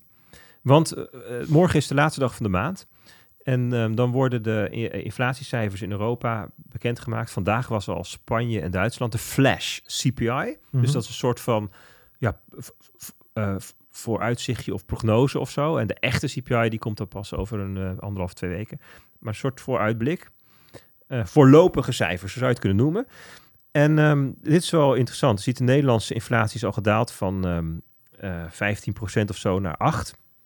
De kerninflatie is nog aan het stijgen. Hmm, interessant. Dus de, de totale cijfer daalt, terwijl de kerninflatie nog stijgt. En hieronder zie je de maand-op-maand cijfers. En dan zie je dat het laatste maand-op-maand cijfer, wat nu nog in de CPI zit, dus van maart vorig jaar, was 3,6% in één maand omhoog. En dat kwam natuurlijk doordat dat net na het begin van de oorlog was. Ja. Toen al die prijzen gingen omhoog enzovoort. En die valt er nu uit bij de volgende inflatiecijfer. Dat heet dan het basiseffect of het eh, jaar-op-jaar effect. Ja. En En een het- beetje denken aan hoe de Champions League plaatsen verdeeld worden. Ja, dat gaat ook op zo'n manier. Ja, nee, is- Nee, er wordt er per land bekeken hoeveel punten ze bij elkaar voetballen in een jaar. En eh, als je dan een goed jaar hebt, dan die valt er dan uit en dat is dan in je ja. nadeel. Of een slecht jaar valt eruit. Nou, dat is een beetje zoals Mm. dit. En dat is dan in je voordeel. Nou ja, dat is dus dat gebeurt hier eigenlijk. Het is eigenlijk een soort venster wat Ja, elke maand een maandje opschuift. En dan hè, nu, nu zit die 3,6 Zeker bij dit soort in. enorme outliers. Als je in de, Ja. in de jaren ervoor kijkt, maakt het natuurlijk geen moer uit. Nee, dat zijn allemaal dat fluctueert Ja. allemaal een beetje rondom de 0, zoveel procent. Dus je kunt ervan uitgaan dat de Nederlandse inflatie best wel gaat dalen. Ik bedoel, er moet wel best wel veel gebeuren. Willen we hier deze maand ook boven zitten? Ja. Hoewel ik zie dat de voedselinflatie nog steeds heel hoog is overal. Duitsland net ook. Maar goed, het is interessant ehm, dat we waarschijnlijk lagere CPI gaan zien. Best wel een grote stap misschien ook wel, zou kunnen.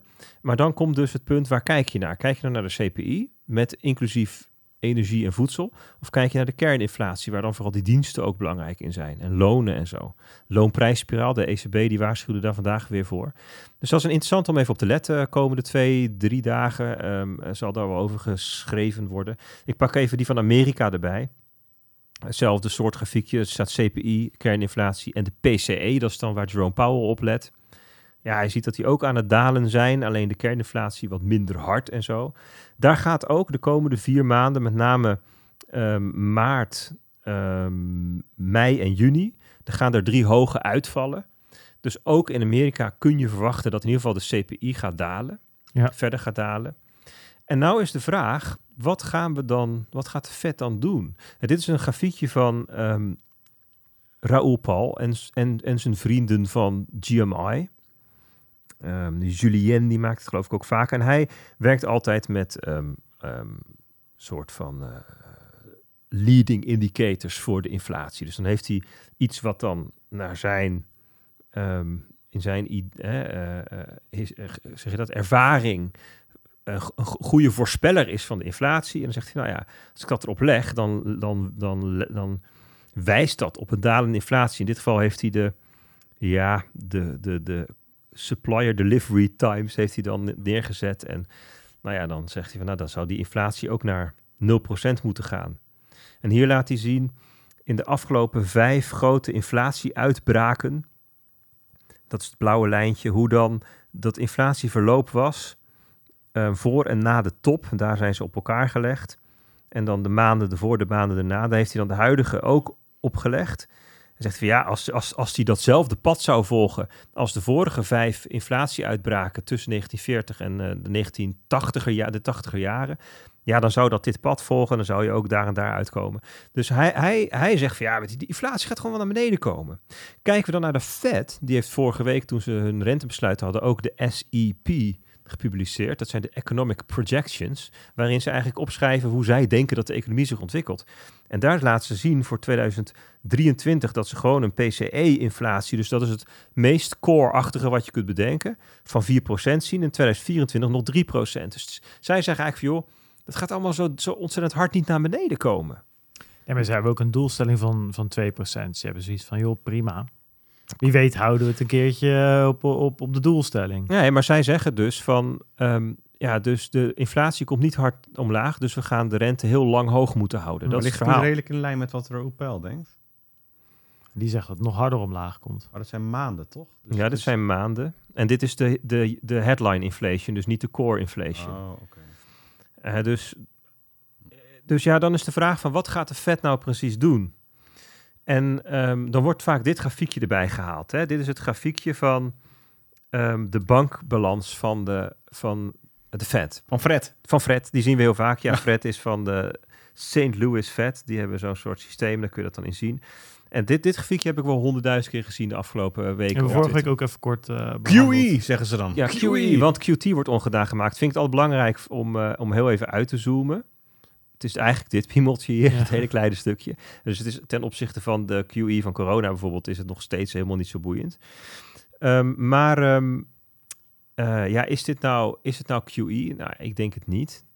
Is de Fed nu aan het verruimen? Ik denk het niet. De Fed zit echt gewoon nog op het spoor van verder verkrappen, denk ik. Wat je wel ziet, is dat banken weinig zin hebben om uit te lenen. Dat is wel een verschijnsel. Ehm dit zijn dan de, de, credit, de credit conditions of de financial conditions, daar hebben we het ook wel eens over gehad. Die hebben eigenlijk een ehm, enorme knauw gekregen. Hè. Dus banken ehm, lenen liever niet meer uit. Of tegen hele dure en moeilijke voorwaarden. Mhm. Nou, daar schreef het FD ook over. Bankaire onrust maakt geld lenen lastiger en vooral duurder. Ja, dat zie je nu gebeuren. Dat noemen ze dan ook wel een credit crunch. De vrees bestaat dat er een zogeheten credit crunch ontstaat. Die kan een flinke wissel op de bedrijvigheid trekken. Met andere woorden, een eh, economische groei aantasten en recessie veroorzaken. Dus het zijn, dat zijn allemaal bewegende delen waar we ehm, als markten, waar Bitcoin-markt er eentje van is, in zitten. En dat is dus die context waar we, ja, waarvan we ons afvragen wat voor moois of lelijks die dan nog gaat brengen. Ja, En als je dit dan ziet en hoort, en al die aanvallen van overheden en toezichthouders, en je ziet dan dat de Bitcoin-koers stabiel op 28.000 dollar staat, ja, dat is wel bijzonder. ja zeker. Wat betekent dat? Ja, hè? heel Dus, goed, eh, ja, Die klopt hem even af. Ja, Hij Een mooie houten af. tafel, dus dat, eh, dat, dat moet goed komen. Ehm, ja, nou ja, goed, ik heb nog wel dingetjes, maar misschien moeten we gewoon hier even bij houden. Ja, nee, lijkt, lijkt me goed.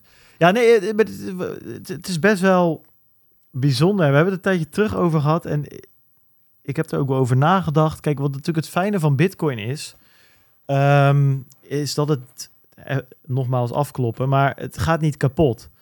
Dank je. Ehm, kijk, eh, nee, maar het, voordeel daarvan is, kijk, tuurlijk, op de korte termijn, er kan allemaal futs zijn en weet ik het allemaal.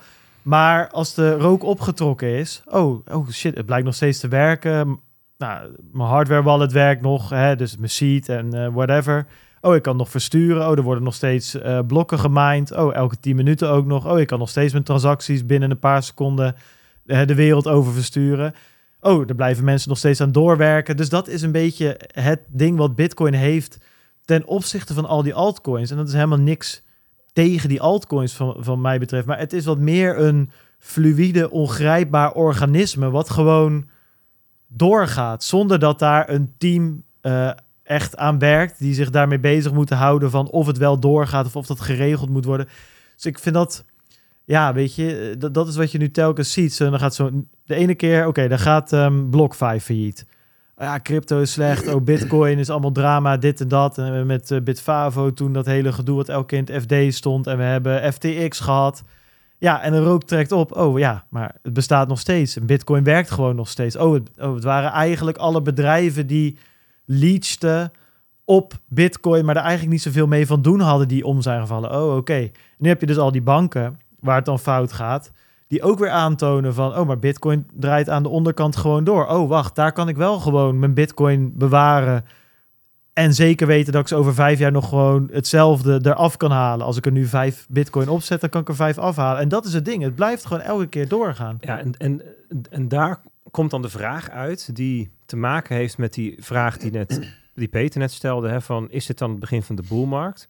Dat heeft te maken. De, de, de boelmarkt heeft ook te maken met een volgende stap in adoptie altijd. Dat er gewoon weer mensen zijn die zeggen: hier heb ik iets aan, om welke reden dan ook. En de vraag is, wie kopen er nou nu bitcoin? Ik bedoel, de koers is dus van 14 15.000 naar 30.000 gegaan, grofweg 29. Waarom? Wie, ko- wie, wie, ko- wie kocht er daar nou?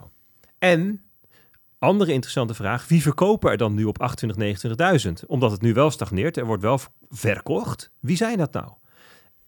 En daar weten we, Waar zijn die weekends? Ja. Nee, maar- en daar, daar weten we wel dingen over. Ja, ja, ja. En dat is natuurlijk interessant, want dat zegt iets over.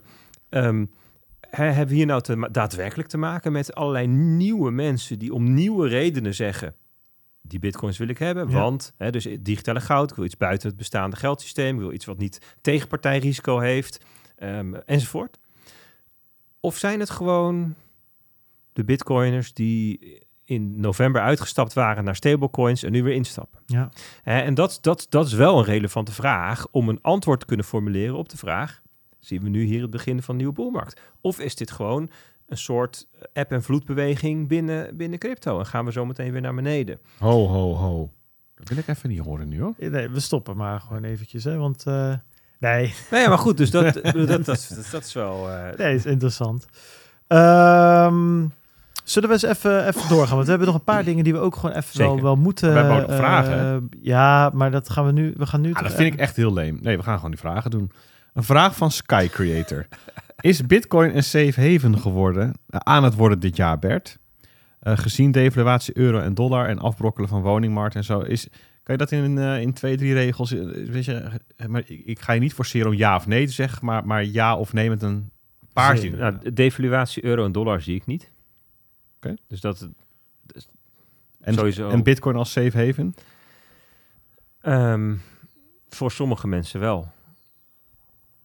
Maar kwantificeer het maar eens om een, uits- een algemene uitspraak te doen. Dus er zijn allerlei anekdotes over mensen die zeggen... hé, hey, potverdorie, zo heb ik er nog nooit naar gekeken. Ik denk maar even terug aan die woorden van ehm DHH, weet je nog wel? Die, eh, die tech, die tech, eh, tech guru uit Denemarken, DHH, Ja, ja, ja, die eh, toen zei van... ehm, Die opeens het licht had we need toen. crypto Ja. after all, of zo, Ja, weet je wel, zoiets. ja. Er zijn, nu, er zijn ongetwijfeld mensen die nu ook het licht zien en, zeggen, en, en, en er nu achter komen, hey, dat, dat het, het, het banksysteem, of misschien het fiat geldsysteem, is inherent instabiel. Ehm, het, gewoon door de manier waarop het ontworpen is. Er is steeds meer leverage nodig om het in stand te houden. En het, dus het is een kwestie van kicking the can down Ja. the road. Ja, het is zo interessant om iets te hebben om daaraan te onttrekken. Ja. Alleen om het anekdotische te generaliseren naar Bitcoin is een safe haven aan het worden. Nee, dat, dat kunnen we Nee, ik, zou, niet ik, ik, ik zou inderdaad zeggen nee. En ik denk, denk dat de context is eh, die bankcrisis.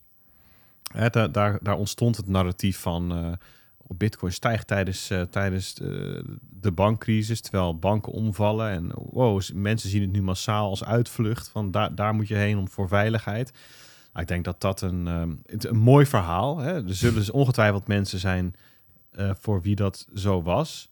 Als je gewoon puur naar de cijfers kijkt, ja, dan is dat niet zo. Het meeste gaat gewoon naar money market funds toe in de VS. Klopt. Dus ehm, ik denk wel dat er mensen en partijen zijn geweest, meer, dat het een heel mooi punt is in de tijd, waarop mensen erachter komen van, hé, hey, er, is wel, er gebeurt wel iets opvallends. Maar geld staat ik denk dat, dat de meesten daarvan de nog steeds zoiets hebben van, "Mwah, ik vertrouw het nog niet net zoals een money market fund of, of een bank of, of goud. Of die reputatie heeft nog niet, maar wel, het is wel zo'n zo'n puzzelstukje.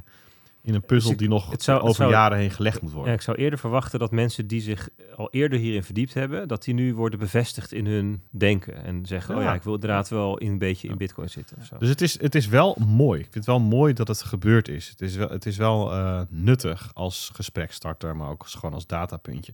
Oké, vraag van nee, Dylan. nee, nee, niet vraag van Dylan. Jawel. Nee, Ja, zeker. nee, we redden het anders niet met al diezelfde vragen er doorheen. We hebben dit stuk gehad, we hebben een uur over die markt Jongen, gepraat. We maar ik moeten het heb nog daar over Binance hebben. Ik heb daar een mooi fragmentje bij. Ja, dat is het punt. Jij hebt, je had hier dit, dit antwoord over money market funds. Van, ja, nee, in de VS zie je ook, het stroomt allemaal. Dat heeft hij voorbereid. Heeft- Helemaal niet. Jawel, Nee, jawel. jongen. ja, het klonk heel... We gaan eh, gewoon even naar jou, Dylan. Jongen, ik laat je niet zomaar vallen.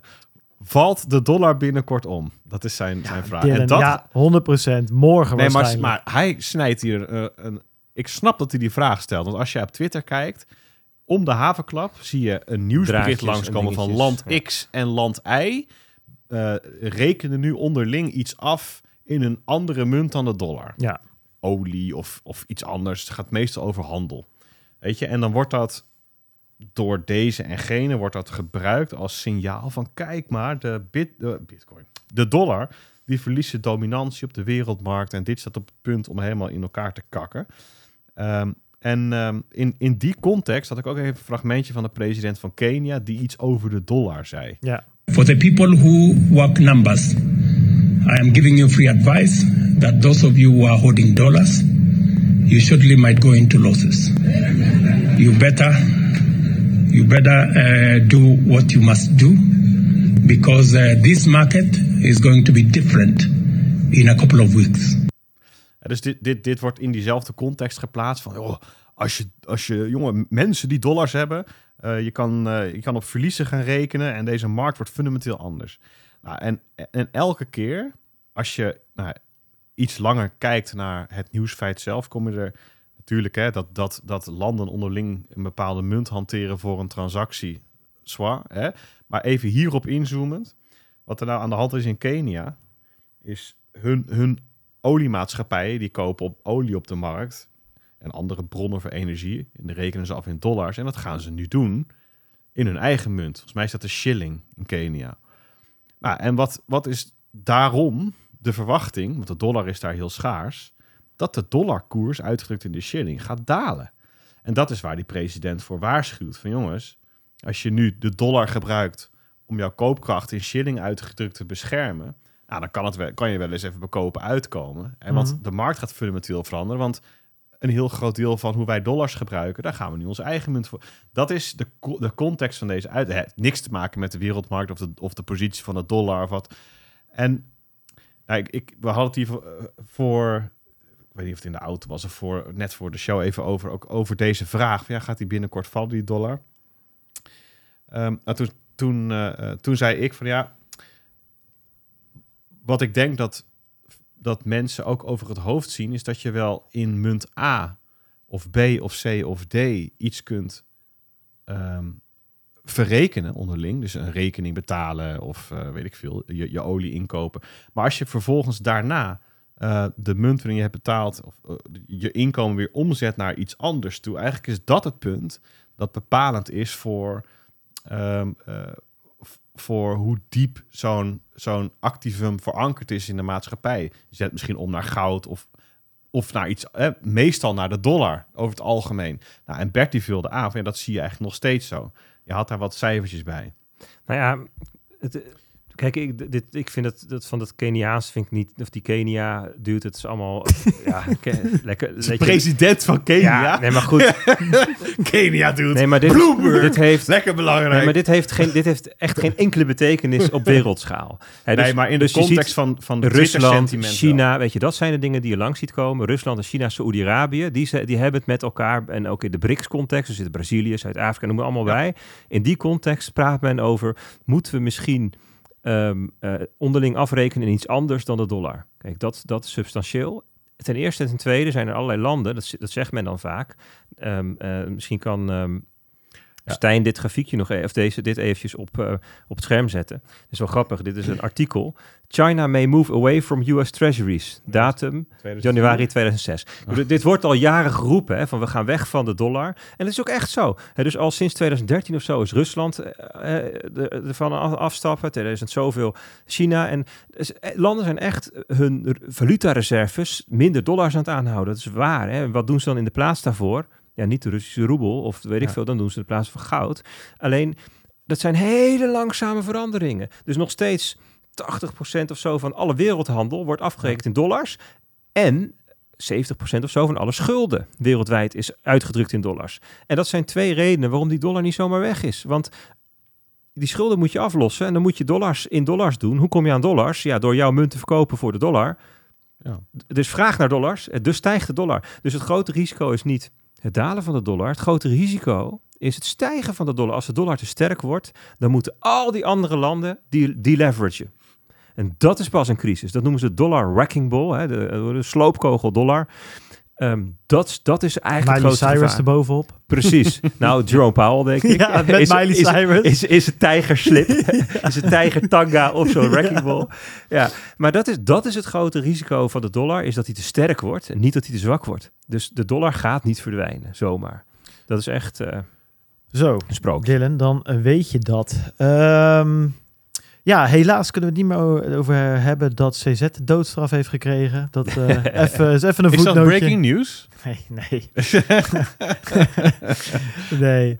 Maar we gaan het, er ja, nee, eh, ik wil het daarover hebben. Over Binance. Ja, Ja, dat eh, mag zo- ook. Maar nee, dat kan ja, ik ook hartstikke kort nee. houden hoor. Dus dat is hartstikke nee, mooi. We gaan even naar Binance. Ja, ik wil het gewoon eens even weten. En het hoeft helemaal niet Ah, kort ja, gehouden ja. te worden. Ja, ik nou, heb, maar dat doe ik dus door wel. mijn scherpe regie hebben we daar nog best wel wat tijd voor. Maar hou het vooral kort. Ja, dat ga ik doen. Ehm, het was maandag 27 maart en de toezichthouder CFTC ehm, maakte bekend, ik weet niet of CFTC zelf dat nieuws brak of dat het via de, de, grote nieuwskanalen ging, maar het werd bekend in ieder geval dat de CFTC een civiele procedure start tegen Binance, ehm, gericht op Binance het bedrijf. Changpeng Zhao, CZ, eh, dat is de directeur-CEO, en het voormalig hoofd compliance Samuel Lim. Eh, je mag even een videootje aandoen, eh, Stijn. Oh, daar gaat hij even mee aan de slag. Dan heb ik wel even een vraagje. Is het tegen Binance US of Binance eh, in zijn geheel?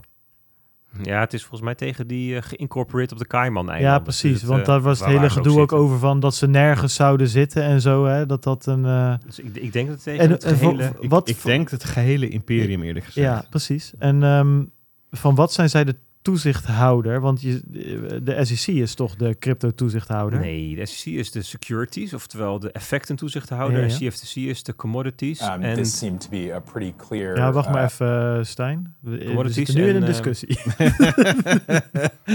ja, dus de, de, de, de grondstoffen, of goederen en, en derivaten, toch? Ja. De commodities. Klopt, en, ja. Wat hebt er? derivatenmarkt en grondstoffen. ja, maar dan nog, wat heeft dat dan, eh, dat securities wat met crypto te maken hebben, snap ik. Hoezo dan? Eh,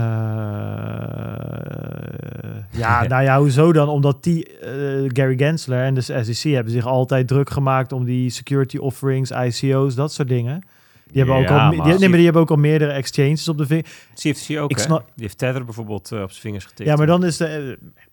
mijn vraag is ook een beetje: ik wil de luisteraar een beetje helpen die het misschien niet helemaal uit elkaar kan houden. Maar waarvoor, heb, waarvoor in Nederland hebben we dat niet, bijvoorbeeld? Ja, je hebt natuurlijk Nou, DNB in Nederland en en, en, en de AFM. Is dat een beetje vergelijkbaar? Waarvoor Ja. zitten die twee zo... Om- omdat, omdat de cultuur in Europa gewoon anders is dan in de VS. Oké, maar dus- waarom dus is het dan... Europese toezichthouders die doen minder vaak, starten ze ehm, eh, rechtszaken om jurisprudentie te genereren waarmee ze vervolgens weer een bepaald mandaat aan zichzelf toe-eigenen. Ja. Dat is wat in de VS wel veel gebeurt. Ja. En Hè, dus, zeggen ze gewoon van, joh, laat eerst de overheid maar in een wet zetten wat we moeten precies, gaan doen. dus regulation by enforcement is dit. En omdat er nog, nu is er überhaupt nog niet duidelijk wie heeft nu mandaat over wat. Dus SEC en CFTC, die starten allebei rechtszaken. Ja, En eisen dat mandaat op die manier Maar op. De SEC zitten is daar ze- agressiever in dan de hoezo CFTC. zitten ze daar met z'n... Want dat is mijn vraag eigenlijk. Zeg maar, dat de SEC vanuit, zeg maar, die, die houden toezicht normaal gesproken op aandelen. Nou, ik kan me voorstellen, veel crypto's lijken daar een beetje op. Hè. Het zijn toch bedrijfjes die geld hebben Mhm. opgehaald met het uitgeven van een token. En nou, het hele verhaal van Gary Gensler van een paar weken terug. Wat doen die commodities? Want dat is ook het grappige. Dat kwam toen op een gegeven moment, hadden ze toch ehm, in de Senaat of zo. Hebben ze normaal dus een groep die, die gaat over graan en, eh, en, en olie en weet ik het allemaal. Gingen ze het opeens over crypto's hebben. Dat is een hele, ik, ik vind het bij de CFTC altijd een beetje vreemd. Terwijl ik wel snap Ja. dat ze bitcoin zien als commodity. Maar Ja, wat moeten ze dan met de het- rest van die het markt? Het punt is ook dat een crypto-asset, een crypto-activum, is eigenlijk, dat zegt eigenlijk meer iets over de verschijningsvorm dan over wat het is. Want, Ja. want een, een NFT, wat is dat? Dat is Ja. geen geld, het is geen, geen goed, het is geen ehm, eh, effect. Wat is het dan wel? Ja, het is een titel of een recht. Ik bedoel, zijn zoveel, ik bedoel, een crypto-dollar. Eh, nou, Laten we het even over een euro hebben. Een euro, dat kun je als verschijningsvorm een muntje of een, biljet. Dan heb je het over gartaal geld.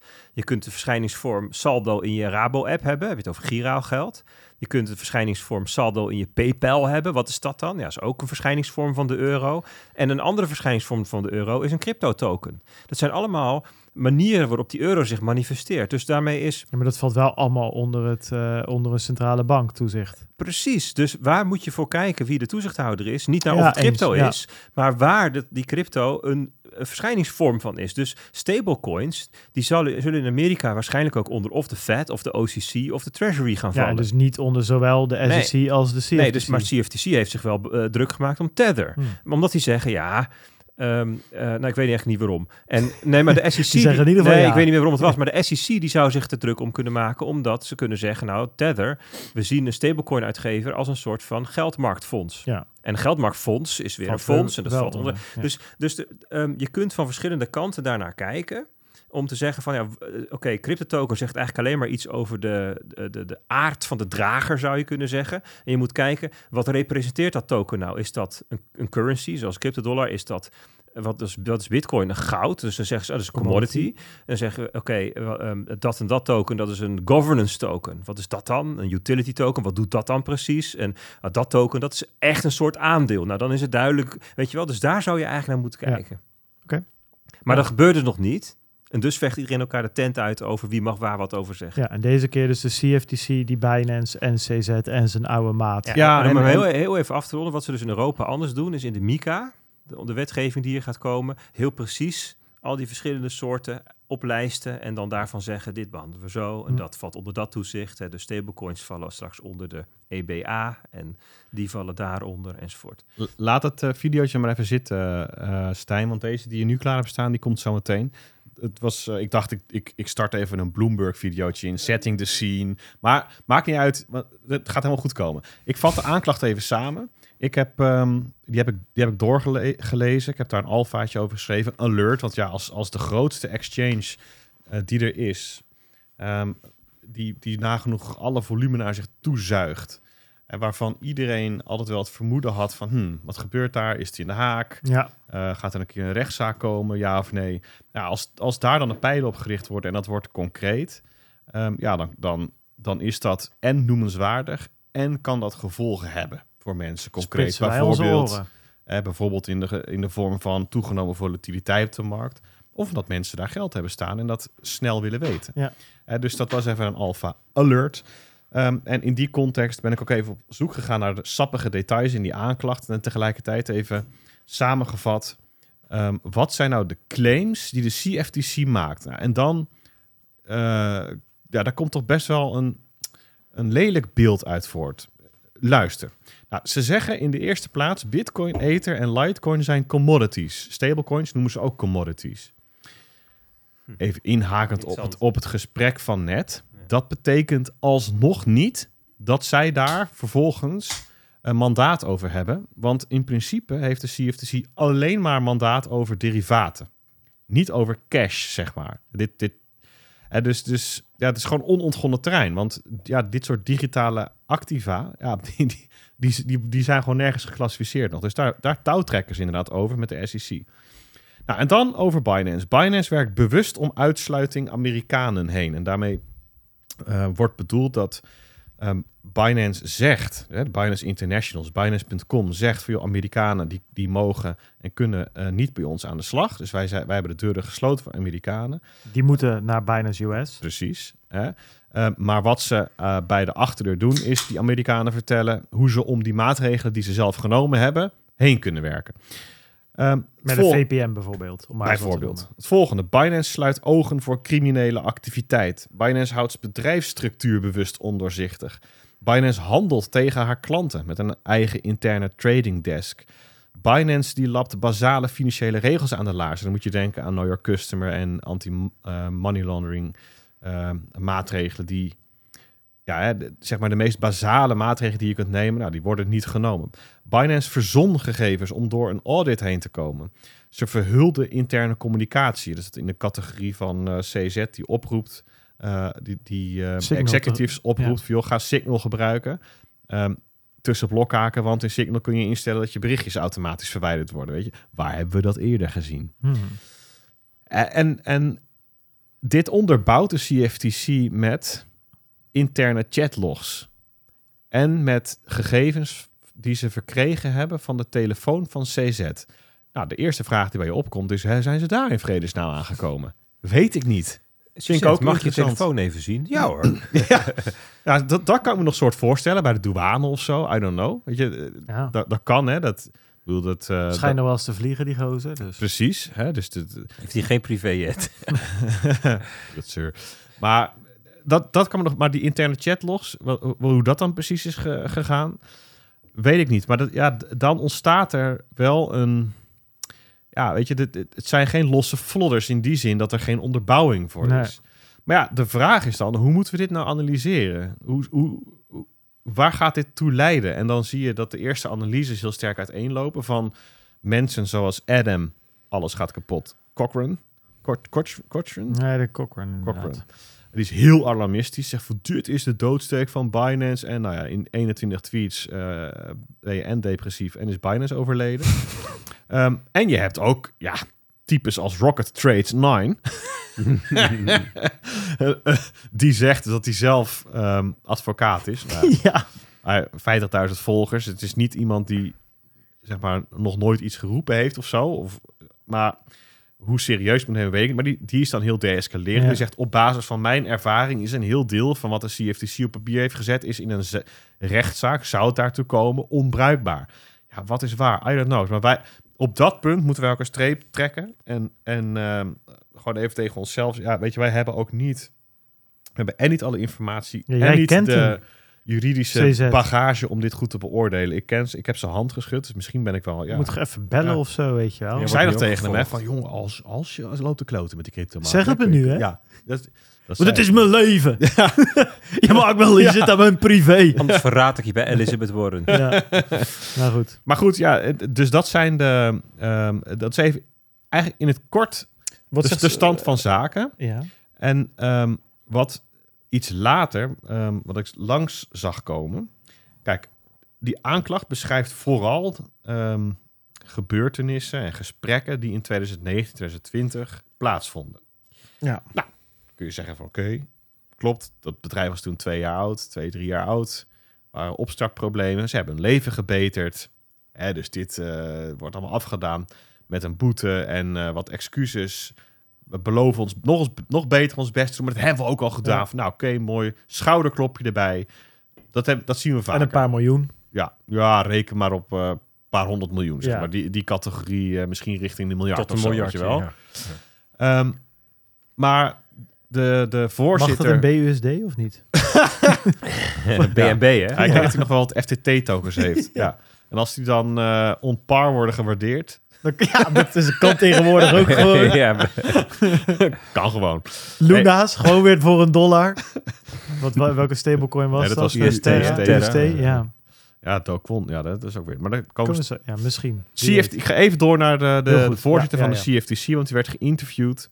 Ehm, en die zei het volgende. Camera 6.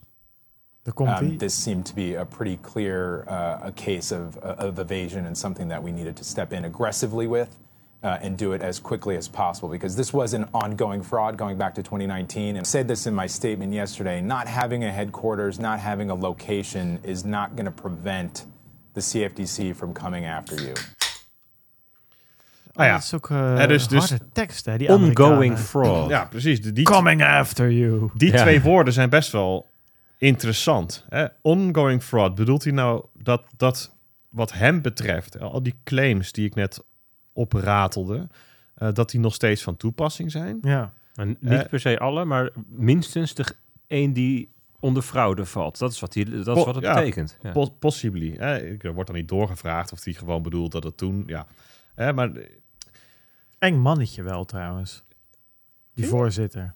Ja. ja, hij heeft niet per se een hele warme uitstraling.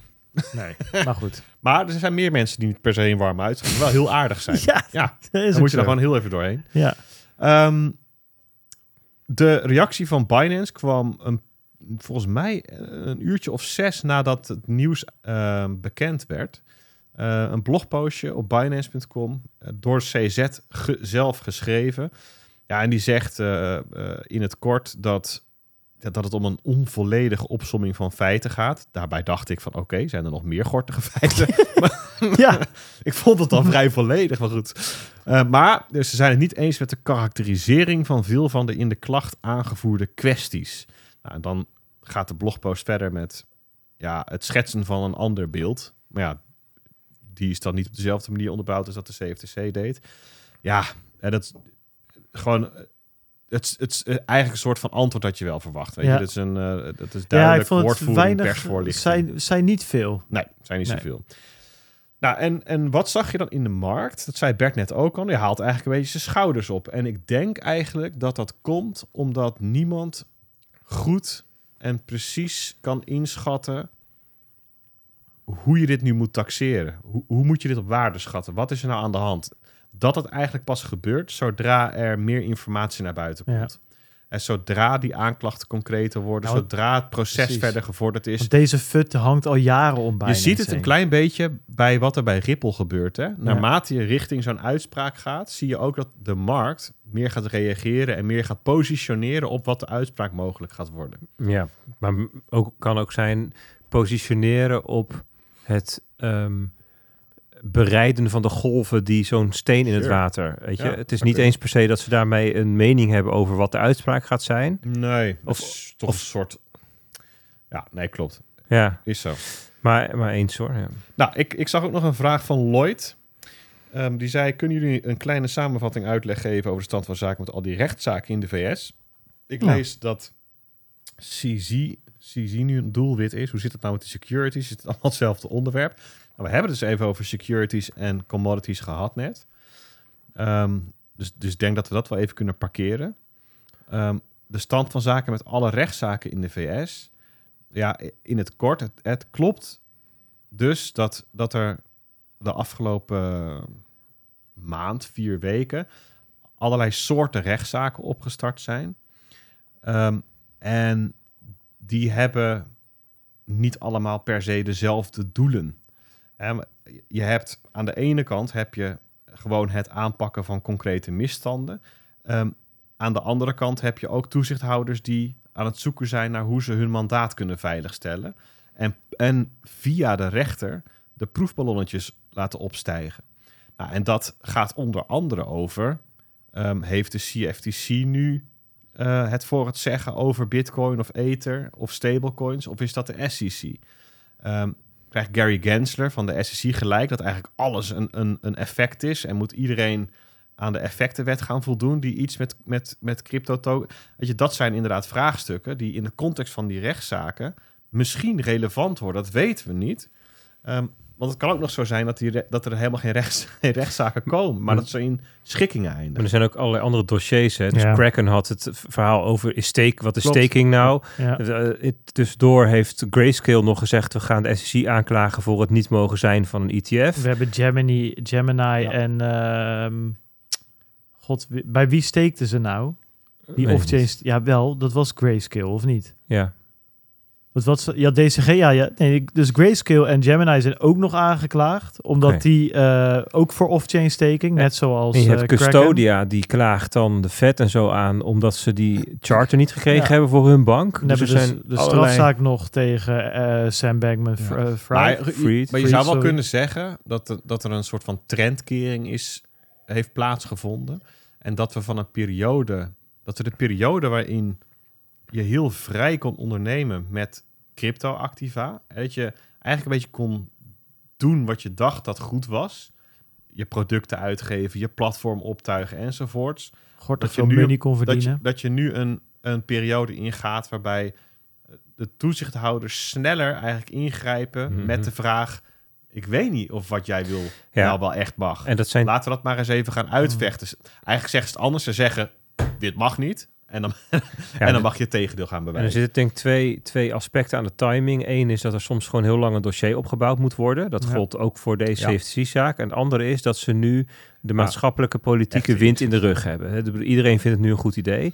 Dat is één. En twee is... Nou, ook gewoon dat ze zich te kakken gezet voelen. Ja, ja, precies. Dus dat is, dat is de winst in de rug, zeg maar. Ik bedoel, als, zij, als zij nu wat doen, dan vindt iedereen, ze hebben van iedereen steun, zeg maar. Maatschappelijk, Ja, crypto pers. is een beetje zo, de gebeten hond. En, Saving en, face. en er is iets anders, dat er ook nog in de politiek een ge- gerichte, gecoördineerde actie lijkt te ontstaan. En ik zeg lijkt omdat we natuurlijk geen bewijs hebben, maar er zijn wel heel veel aanwijzingen voor de coördinatie. Hè? Dus dat er echt, ehm, dus ook, ook rond het faillissement van Signature en Silvergate, daar zitten wel wat dingen omheen, op de manier waarop het is gegaan en de manier waarop er over gecommuniceerd is en de beslissingen die genomen zijn.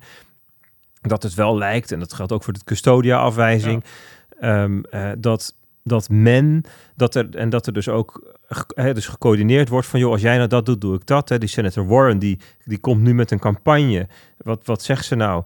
Elizabeth Warren is building ant- anti-crypto army. Hè, dus een anti-crypto leger. Ja, er, zit ook gewoon, er is ook gewoon een stuk van de politiek die om persoonlijke redenen of die, om die maken goed gebruik van de situatie. ja, of om, of voor, om voor politiek gewin. Of misschien wel om de eigen status quo te beschermen, zeggen. Maar het is idee. Ja, zeker. Dus, dus dossiers hebben waar je winst op kunt claimen. Dat is voor politie natuurlijk altijd, eh, altijd interessant. Kijk, aan de andere kant is wel... Dit moest er een keer van komen en het is in zekere zin ook nuttig. Kijk, het is, sommige mensen zeggen wel hè, van ja, het is jammer dat er niet gewoon ehm, regelgeving, wetgeving wordt gemaakt aan de voorkant. Hè, dus dat de wetgevende macht begint. En dat we in plaats daarvan nu ehm, ja, de uitvoerende macht hebben. En dat wij dan, om, om, hè, om er tegen in te gaan, naar de rechtsprekende macht moeten. Het zou, hè, dus Mhm. dat, dat is eigenlijk de verkeerde kant. Eigenlijk zou je willen dat het gewoon begint met een wet. Zoals in Europa. Daar doen ze het beter, weet je wel. Zo, zo wordt het, of, of in Singapore of Dubai. En dus daar, daar zijn mensen wel mopperig over. Maar ja, bedoel, uiteindelijk moet er een keer duidelijk worden... wat we als maatschappijen, Ja, zeker. hoe we ons ertoe gaan Maar we, we verhouden. zeiden het al toen Ja. FTX in elkaar klapte. Of joh, dit gaat gevolgen Ja. hebben die we pas over een paar maanden gaan zien. Nou, en coördinatie is er daar één van. Coördinatie in Amerikaanse politiek, die groepsvorming. Maar ook de G7-agenda staat weer vol met crypto-onderwerpen. Want er zijn allerlei extra landen die nu ook het belang van nieuwe Wat wet je en regelgeving over India. dat, India, eh, ja. Eh, dus ik geloof dat in mei de G7... eh, Nee, in september was in India de grote. ja, dat, dat klopt. Het Oh, is ja. G20 oh, dat is is geweest. geweest. Oké. Uh, maar de G7 komt ook weer bij elkaar. Dat is in mei. En dan staat het ook op de agenda. En dan gaan ze ook weer met elkaar hebben over die regelgeving die misschien wel strenger moet. Nou ja, en die toezichthouders die praten natuurlijk ook met elkaar. Hm. Dus het is helemaal niet zo gek dat je eh, de houding van de SEC misschien ook wel deels terugziet in de houding van een toezichthouder in het Verenigd Koninkrijk. Of andere toezichthouders die eigenlijk van oudsher al wel dichter tegen elkaar aanschuren. Ja. Ja, dus de- de- dat, soort, dat soort gevolgen zijn er. Maar, maar je ziet ook het, het, ehm, de andere kant van de medaille, dat er dus jurisdicties zijn die zich juist openstellen Ja, vanwege de reactie. Ja, dat zie je dus ehm, in Azië, maar ook in het Midden-Oosten. Eh, Zwitserland was al redelijk neutraal is, hè, dus die, maar die maar het schijnt, profiteert het in schijnt dat zekere zin Londen bijvoorbeeld ook... ja, daar heb ehm, ik heel dubbel, dubbel gevoel bij. Aan de ene kant zeggen ze, we positioneren ons als crypto-vriendelijk en digital assets 20 enzovoorts. Aan de andere kant zijn de banken Klopt. richting consumenten en de toezichthouder ook weer niet, maar, maar, ontvankelijk. Londen en Parijs, die lijken ook een robbertje te vechten. Dus Parijs, die, eh, die positioneert zich ook heel expliciet als, als landings, hè, zeg dat, landingspunt voor cryptobedrijven. Bijvoorbeeld Circle gaat daarheen, maar Binance, Binance, natuurlijk ja. ook al. Dus, ehm, dus ook Europa. eh, zeker. Ja. Oké, ze zeggen wel, als het, als het hier gebeurt, dan wel netjes. Dus Mika en TFR, nou van de week is er ook nog ehm, die EML-package bijgekomen. Daar staan ook weer dingen in over crypto. Dus men wil het hier best wel strikt gaan reguleren. Ja. Maar ja, dat, dat zat er gewoon, dat, moest, dat, moet, dat moet toch ook gewoon maar een keertje. Er zijn toch Zeker. ook al die gortige uitwassen waar wij het altijd over hebben. Ja, laten we daar maar een dat- keer, eindelijk een keer een bommetje op gooien. Dit is, dit is, eh, nou, dat hebben, we, ze- dat hebben ze zelf gedaan. deze eh, gevolgen zijn inderdaad een... Sa- eh, Sam en zijn. eh, en Ja, zijn maar crew. goed, dat heb je het nog over, over de bedrijven. Maar er zijn natuurlijk allerlei projecten die gewoon eh, oplichterij tokens uitgeven. Ja, ja ik, ik, ik zie dat als twee schapen in een andere van. Ja, nee, maar, oké, nee, maar ja, ja. of het nou eh, Sam Bankman-Fried is die eh, iedereen eraf scamt of een een of andere random ICO. Ja. Even een heel klein uitstapje. We gaan heel even naar een andere figuur, Do Kwon. Die is in eh, Montenegro. Wacht even. Ja, komt. Nee. Ik maak het bruggetje. Je moet even je mond Waar- houden. Oké, Nou. Die is in Montenegro opgepakt. moet even mijn mond houden. Ja, zeker.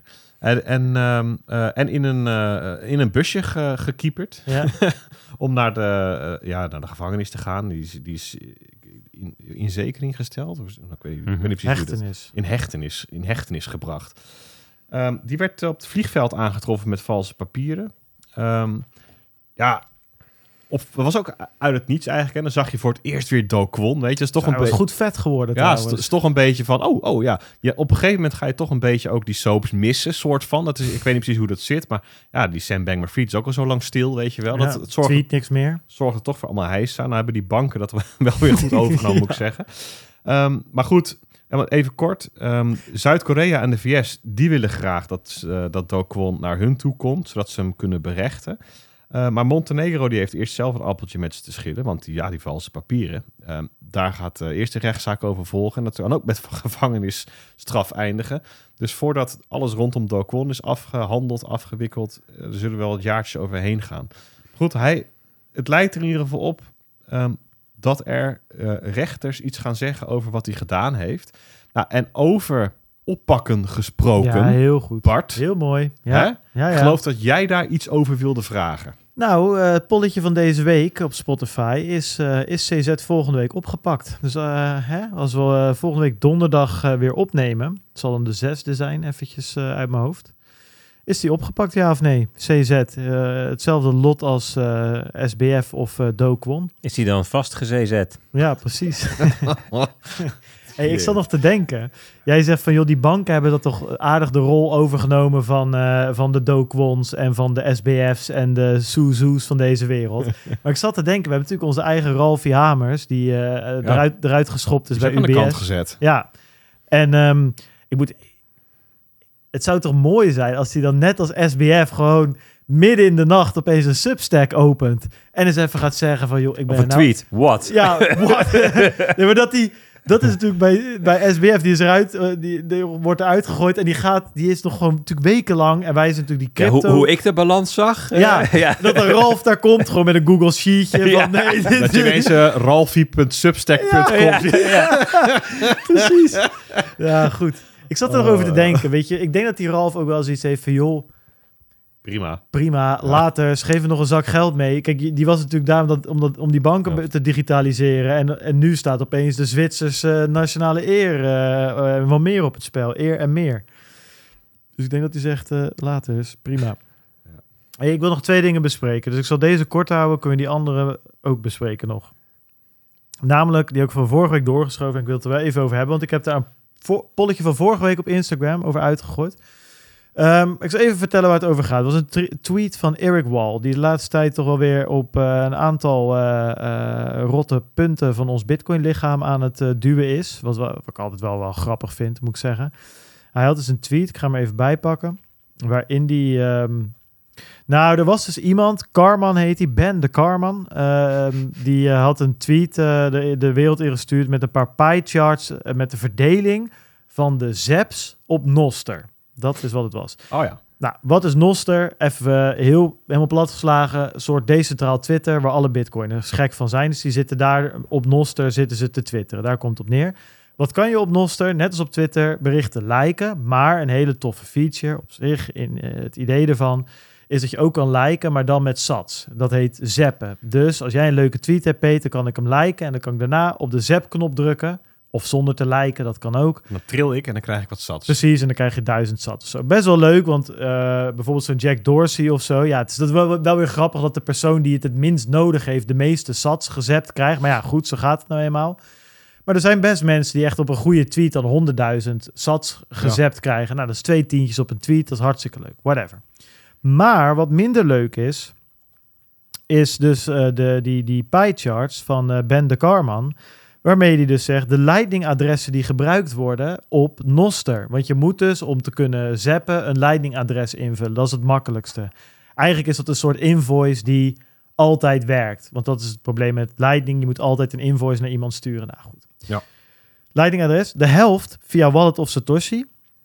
Een kwart via Elbi, dat is ook zo'n browser extension. En eh, niks tegen Wallet of Satoshi, hè? niks tegen Elbi. Fantastisch wat die gasten aan het doen zijn. Is echt mooi spul. Welke custodial. Dan heb je nog LM.tips die voor 8% ertussen zit. Dus dan zitten we al op, nou laten we zeggen 35%, 85%. En hij heeft het allemaal bij elkaar opgeteld.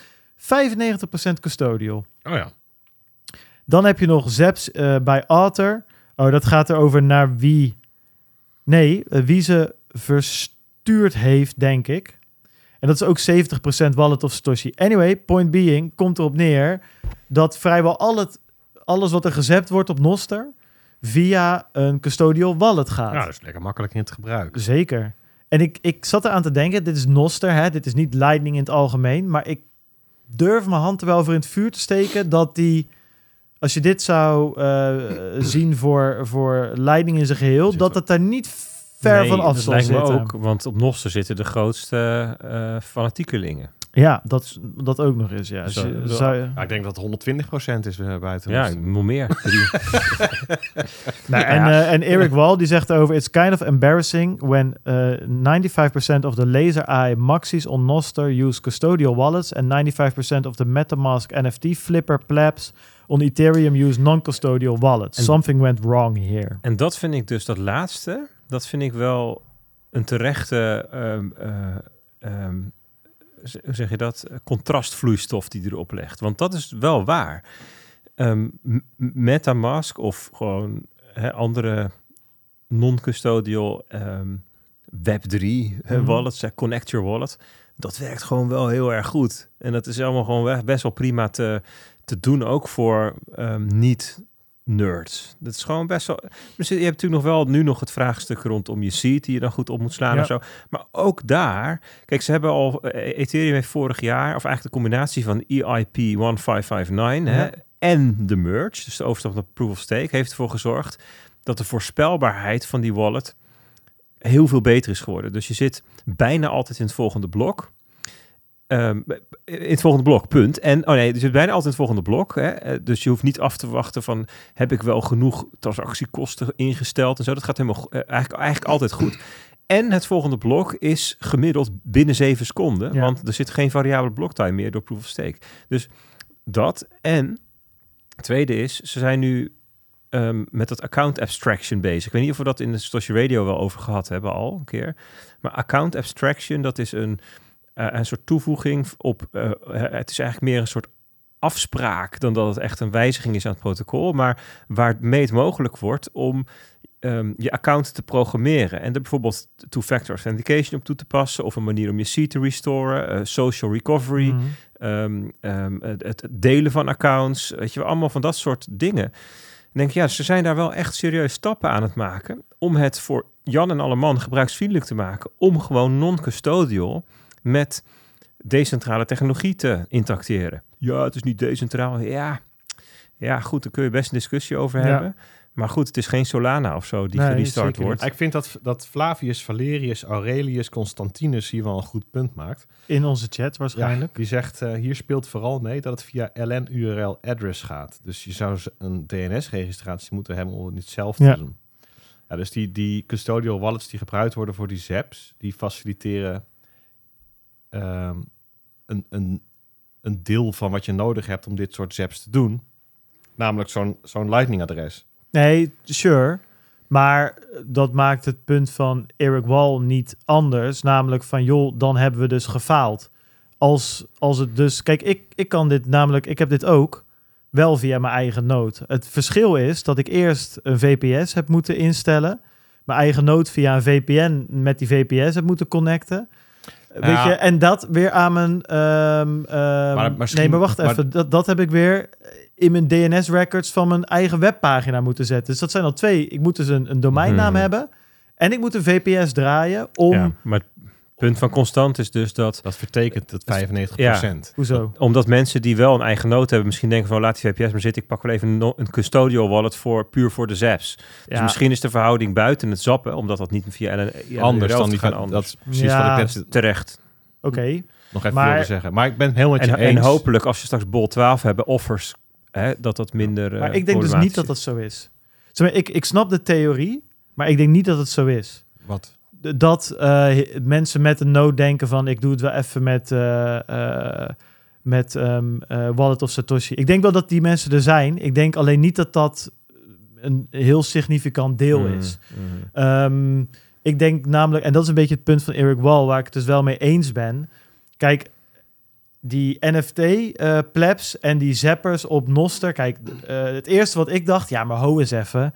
Natuurlijk, als ik voor 50.000 euro NFT's ga flippen, tuurlijk doe ik het dan op een ledger. Weet je, dit gaat over zaps van eh 20 sats. Weet je, dat maakt er geen hol uit dat je het op Wallet of Satoshi doet. Maar dat is op zich waar, als dat zo zou zijn dat eh, mensen, als het om grotere bedragen gaat met Lightning, dat ze dan ook, dat ze dan wel een eigen nood gaan gebruiken. En ik heb het idee dat dat niet zo is. Ik heb het idee dat ze blijven hangen in die custodial omgeving, omdat het daar gewoon lekker vertoeven is.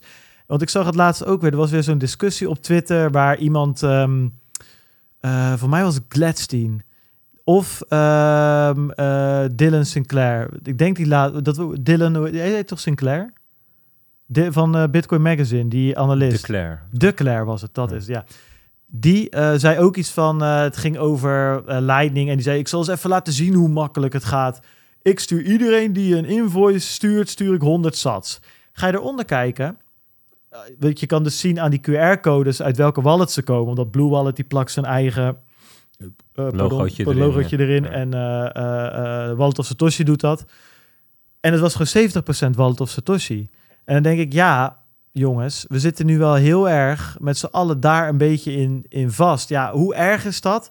Ik, ik zag, ehm er was ergens anders een discussie waar het er ook over ging. Toen dacht ik, ja, maar hoe erg is dat? Kijk, ook al gebruiken we straks met z'n allen custodial wallets, zijn er natuurlijk nog steeds een paar dingen waarom het alsnog waardevol kan zijn, dat Lightning-netwerk. Nou, ten eerste, omdat ook al is het allemaal custodial, het is wel fijn dat het gewoon één redelijk simpel protocol is dat wereldwijd op dezelfde manier werkt en waar iedereen zijn wallet voor kan bouwen. Dat is één.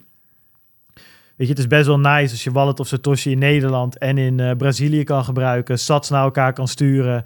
En ik had het in Nederland bij, eh, weet ik veel, eh, een Bitfavo zet ik het om naar euro's. En in Brazilië kan je het bij Bitfavo Brazilië omzetten in pesos. Weet je, dat is best mooi. Daarnaast vind ik het mooi dat het met Bitcoin werkt. Weet je, dat is toch fijn dat het met, als je in Bitcoin gelooft, dat je dus ook kan betalen met Bitcoin op die manier. Plus, je hebt de optie om het nog steeds zelf te doen. Dus er zitten nog steeds wel voordelen aan. Maar ik, ik vond het geen slecht punt. En ik had wel zoiets van. Ik, Nee, ik, ik weer- merkte het zelf ook een een beetje op. terecht punt. Ik ben het helemaal mee eens. Dat, je toch, dat we toch naar die custodial wallet schuiven. En dat we. Het moet makkelijker worden. Kijk, want Dat- dat- ehm, precies. ik denk dat er ook wel mensen misschien nu thuis zeggen... maar ja, Bart, je hebt net eh, een valse tegenstelling, eh vals dilemma. Via Tor heb ik helemaal geen VPS nodig... en ben ik toch overal te bereiken. Dames en heren, bij deze is officieel. Tor schrijven we gewoon af. Het slaat nergens op. Eh, om dat te gebruiken, om bijvoorbeeld je telefoon te koppelen aan je nood. Ik, ik heb het zo vaak geprobeerd. Je staat een halve minuut te wachten. De helft van je transacties die faalt als je ergens bij een bar staat. Het is gewoon niet betrouwbaar genoeg om je telefoon te koppelen aan je nood om betalingen zelf te kunnen doen. Zo simpel is het. Dus ik, ja, je moet toch naar een, een VPSje, je moet naar een domeinnaampje. Ja, voor een VPS ben je toch 5 eurotjes per maand kwijt. Dat is meer dan dat ik voor mijn bankrekening betaal. Dus, Dus je zou eigenlijk meer naar een soort Fedimint-achtige situaties moeten gaan. Ja. Dat één iemand dat voor een, een community of een groep opzet. bijvoorbeeld, ja. Maar je moet, je moet uiteindelijk moet je het zo ongelooflijk makkelijk, gebruiksvriendelijk, prettig, handig maken. Dat mensen ge- geen, geen, niet, bedoel, niet dingen hoeven op te zetten of hoeven te betalen of hoeven een leercurve door moeten. Dat is prima voor één iemand. Bedoel, er was vroeger ook altijd één iemand in de familie die bouwde zelfs de computer. ja. Maar het was En niet voor de zo. rest? En voor de rest, Ja. ja. maar het is niet zo dat je zegt van nou, ik wil graag een personal computer thuis. Dat je dan, nou dan bouw hem dan maar. Nee. Nee, die kun je gewoon kopen. En dat moet gewoon, die drempel, die moet Ja. pas als die omlaag gaat, dan krijg je eh, een beetje adoptie. En dat zijn ze ehm, hè, bij Ethereum wel lekker aan het doen. En bij Bitcoin nog, nog onvoldoende, denk ik. Of, zo. of het gaat niet zo snel. Terwijl het niet per se dingen zijn die in de broncode van Bitcoin veranderd hoeven te worden. Het is toch vooral ecosysteem eromheen, lijkt Ja. me. Dus ja, ik hoop dat dat Het en een soort stroomverstelling het allervervelendste van goede custodial wallets is dat de aandacht ehm, daar ook zeg maar, ehm, vervelend veel aandacht naartoe gaat in de doorontwikkeling van dat soort wallets. In plaats van naar de doorontwikkeling van non-custodial infrastructuur.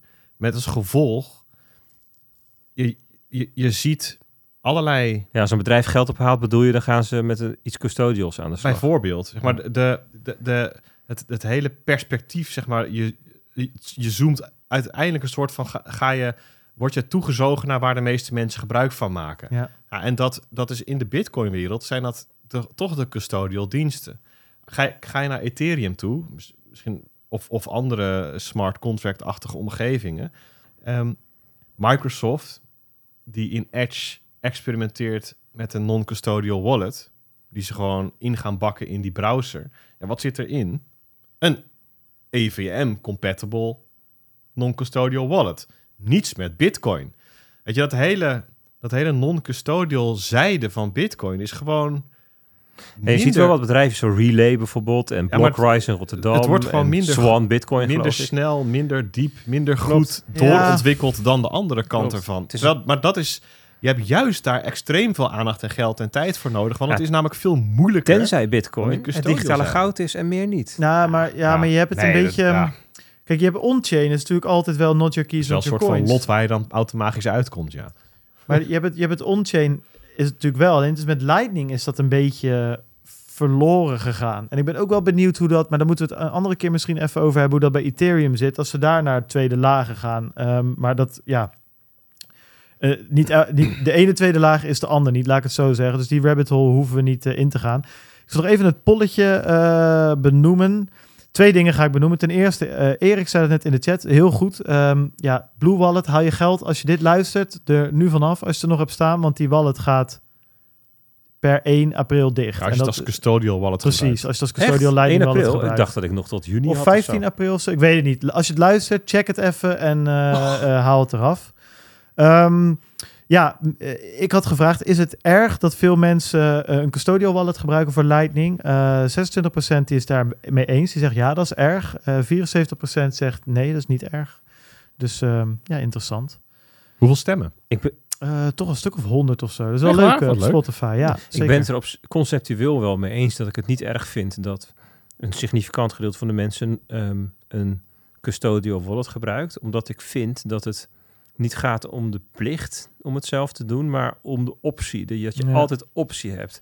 Alleen het probleem van bij Bitcoin is dat ook de optie heel moeilijk is. Lightning Stel- dan vooral. Ja, vooral Lightning wallet, maar ook maar een, een, een eigen full node draaien is Ja, ook best lastig. Dat hoeft, dat vind ik... Omdat je ook gewoon een, een, een SPV eh wallet Nee, kunt- nee, ik bedoel meer van eh, eh, k- eh, non-custodial Bitcoin is voor mij gewoon je eigen seed. En Ja, dat je ja, daar een ledger voor gebruikt, whatever, weet je wel. enough. Dat, dat, dat, kan je dat wel zelf. Ja, dus- zit genoeg uit elkaar getrokken dat ik wel geloof eens, dat zij eens, niet bij mijn seed kunnen. Eens, dus Ja. het is inderdaad Lightning. Dus ja, ja. en, en, dan, en dan zou je kunnen zeggen van ja, eh, Ja, toch een beetje... ja, ze- ik kan verschillende kanten op. Ik heb wel zoiets van, ja, nou goed, we hebben het net... Interesting. Ja, Oké. ja, we gaan het in de gaten Ja. houden. Ehm, ja, als laatste eh, wil ik het nog even over een andere tweet van Eric Wall hebben. Ja, ik, ik had er met Stijn over. Stijn die zei van, ik vind het echt een onuitstaanbare gozer. En dat vind ik ook. En ik Waarom dan? Nou, daar had ik dus een tijdje terug al over nagedacht. Ehm, omdat het zo'n type is die dus wel... Hij weet zo goed waar hij het over heeft. En hij, hij snapt het, zeg maar. Maar hij kiest er dus voor om met die kennis... ehm, Ja, iets te karikatuur, een karikatuur te maken precies. van en, anderen. En, en eh, het is een troll ergens, weet Ja, je? hij, hij vraagt aandacht voor iets met Ja. daaronder een goede technologische Ja. onderbouwing. Maar dat doet hij op een manier dat hij ook daadwerkelijk aandacht krijgt. Ja, Effectief dus. en, en dus omdat hij, wat ik zeg, hij drukt op de juiste pijnpunten. En dat is natuurlijk, als, als jij in, als bitcoiner, zeg maar, ehm, eh, is dat soms lastig. Even voor duidelijkheid, ik vind het dus over het algemeen leuk, fantastisch. Maar eh, soms is het dus wel eventjes... ik vind het een eh, goede gozer. Nee, precies. Ja. Maar goed, dat is wat ik zeg. Het is wel, eh, ja, net als met Oedi. Oedi vind ik nog wat meer aan de lulkant zitten, Oh, zeg daar, maar. daar heb ik wel meer moeite mee. Ehm, maar je hebt ook natuurlijk Nick Carter. Hè? Dus je hebt dat clubje die, die, met, die eigenlijk met de die... clubje met, bannelingen. met, met die Ah, Nick ehm, Carter, dat... Ja. nou, maar mijn punt is... Hè? Hij snapt- kijk naar mij, wat, wat, wat, Nick Carter. Nee, maar hij, hij, snapt waar hij, het, hij snapt gewoon zo goed waar hij het over heeft... dat je het in een discussie ook niet van hem gaat winnen. En dat is op zich wel vermakelijk. al- Want nu had hij het dus aan de stok met Michael Saylor. Ehm, nou, wat was er nou aan de hand? Hebben we dat fragment terug, eigenlijk staan? Hebben we, daar, hebben we dat klaargezet? Ik, Michaels. ik, ik heb hem wel in, in eh, Nou, dat doe, dan vertel ik het wel even. Ehm, Google Drive gezet. Oh, je had wel een Google Drive. Oh, hij staat zelfs uh, klaar. Ja. Oké, Bitcoin. Ja, maar hij moet wel een beetje what ingeleid they're worden. doing is the same thing. They're dus zal ik een beetje inleiden? Nou, het punt eh, is, dit, dit, ehm, dit fragmentje gaat over een soort van de conclusie waarin hij het parallel trekt ehm, met, met hoe rockconcerten al het energie gaan opslurpen. Dus die context die zou je even moeten geven. En het is Ja. een oud fragmentje ook, hè, van een paar jaar geleden. Ja, even, eh, het is even. Hij was de gast bij Preston Pish in de Ja, podcast. Eh, daar is een clipje van gemaakt. Paar jaar terug. En ehm, dat clipje had Preston Pish nu dus weer getweet opnieuw. En ehm, eh, Eric Wall die reageerde daar dus op. Dus zo kwam het weer naar boven. En inderdaad, in dat clipje Ja, Piss die vraagt dus aan Sailor van... joh, eh, het ging over het, eh, het, het World Economic Forum en ehm, die miste iets. Die hadden een verhaal dat bitcoin... die hadden een eh, voorspelling gedaan dat bitcoin over een paar jaar... alle stroom van de wereld. 100 gaan, eh, miljard miljoen eh, kilowattuur stroom zou gebruiken. Meer dan dat we zouden produceren op de wereld, inderdaad. En Preston Piss vraagt, wat, mis, wat missen ze nou, de, eh, het Wat is een WEF? denkfout? Wat is de denkfout? En Sailor die eh, legt het even uit.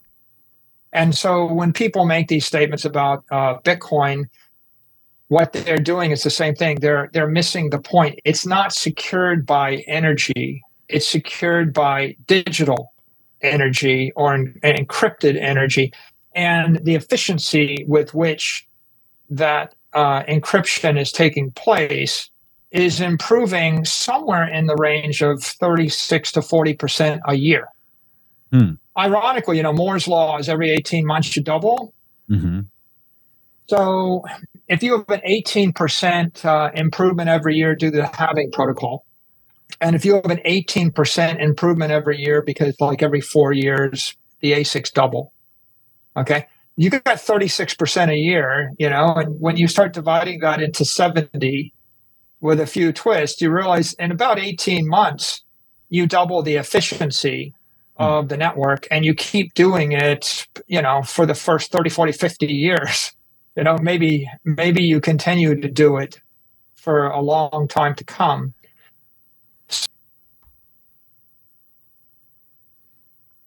Ja. Dat was het, denk ik. Ja, het is heel, ik, heb, ik heb hier ook naar gekeken, Peter. Het was heel moeilijk om hier eh, het juiste stukje uit te... Ja. Maar zo ging hij dus een tijdje door. Ik heb een Nee, paar... ja, de- het, het, het is heel makkelijk samen te vatten. Oké. Kijk, kijk Michael Saylor, ehm, ze- Michael Saylor's redenering is: het netwerk wordt efficiënter en daarmee bedoelt hij dat er steeds minder stroom nodig is voor het genereren van een hash. Ja. Want ASICs worden steeds beter in hun werk. Ja. Weet je, en eh, daar heb je zelfs een wet voor, Moore's Law. En, en, eh, en, en dan, eh, die is trouwens recent. Is Die is overleden, hè? meneer Moore, ja. Meneer Moore zelf, ja. Ja, Ja, de even wet niet. treurig, Die is eh, al langer ja, geleden overleden. een wet trouwens. Maar goed, maakt niet uit. Hè? Noem het wel zo. Die discussie hebben we een keer eerder gehad. Kan ik mij herinneren. Ja, ja, ja, dat is waar. Toen ben ik wel overstag gegaan, geloof ik. Hè? Ja. Maar ehm, ja, dat is dus wat, wat Saylor zegt. Hè? Van, ehm, ja, de, de, de WEF en, en Nature, die, die publiceerden ook over, die zeggen van ja, eh, Bitcoin, eh, als het zo doorgroeit, gaat al het stroom opverbruiken dat we produceren en meer. Dat klopt niet, want het wordt steeds efficiënter, want ASICs die worden steeds beter. Ja. Maar dat, dat, is, dat is zijn redenering. Nou ja, en ik denk dat Eric Wall daar niet mee eens was. Nee. Dus dat is denk Nee, ik even de context van, eh, van de reactie van Erke Wall. Die heb jij denk ik wel in je hoofd zitten, ik niet. Ja, nou ja, die, die, die haakt daar inderdaad ehm, op in. En hij zegt van, joh, ten eerste tegen Preston Pish van, joh, kijk, ik kan me voorstellen dat je misschien twee jaar terug dacht van, eh dit is een goed idee om het online te zetten. Maar waarom je het nu nog een keer plaatst, hij, hij, hij kwam met een paar, met, met een paar dingen. Ik moest zo lachen om, om hoe, die, die, hoe droog die die tweets... ehm, kwam. Hij, hij begon dus... Don't mind me just posting a video where Preston Pish interviews Sailor talking about how ASICs getting better means they consume less energy. Dat klopt overigens gewoon als je puur kijkt naar de machine zelf. Uh, imagine trying to clown fake experts while delivering a sub, min, sub 2 IQ yourself. Holy shit. nou goed, de meme taal allemaal komt hier. Like I can understand you erroneously thought this was a good clip when you recorded it last year. And then somebody told you it was the most retarded take on mining they've ever heard. and you've learned from it.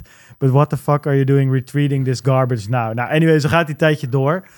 Maar hier legt hij dus uit, hè, iemand vraagt dus, maar wat, wat is er nou fout met wat ze zeggen? Want dat is natuurlijk een beetje het ding.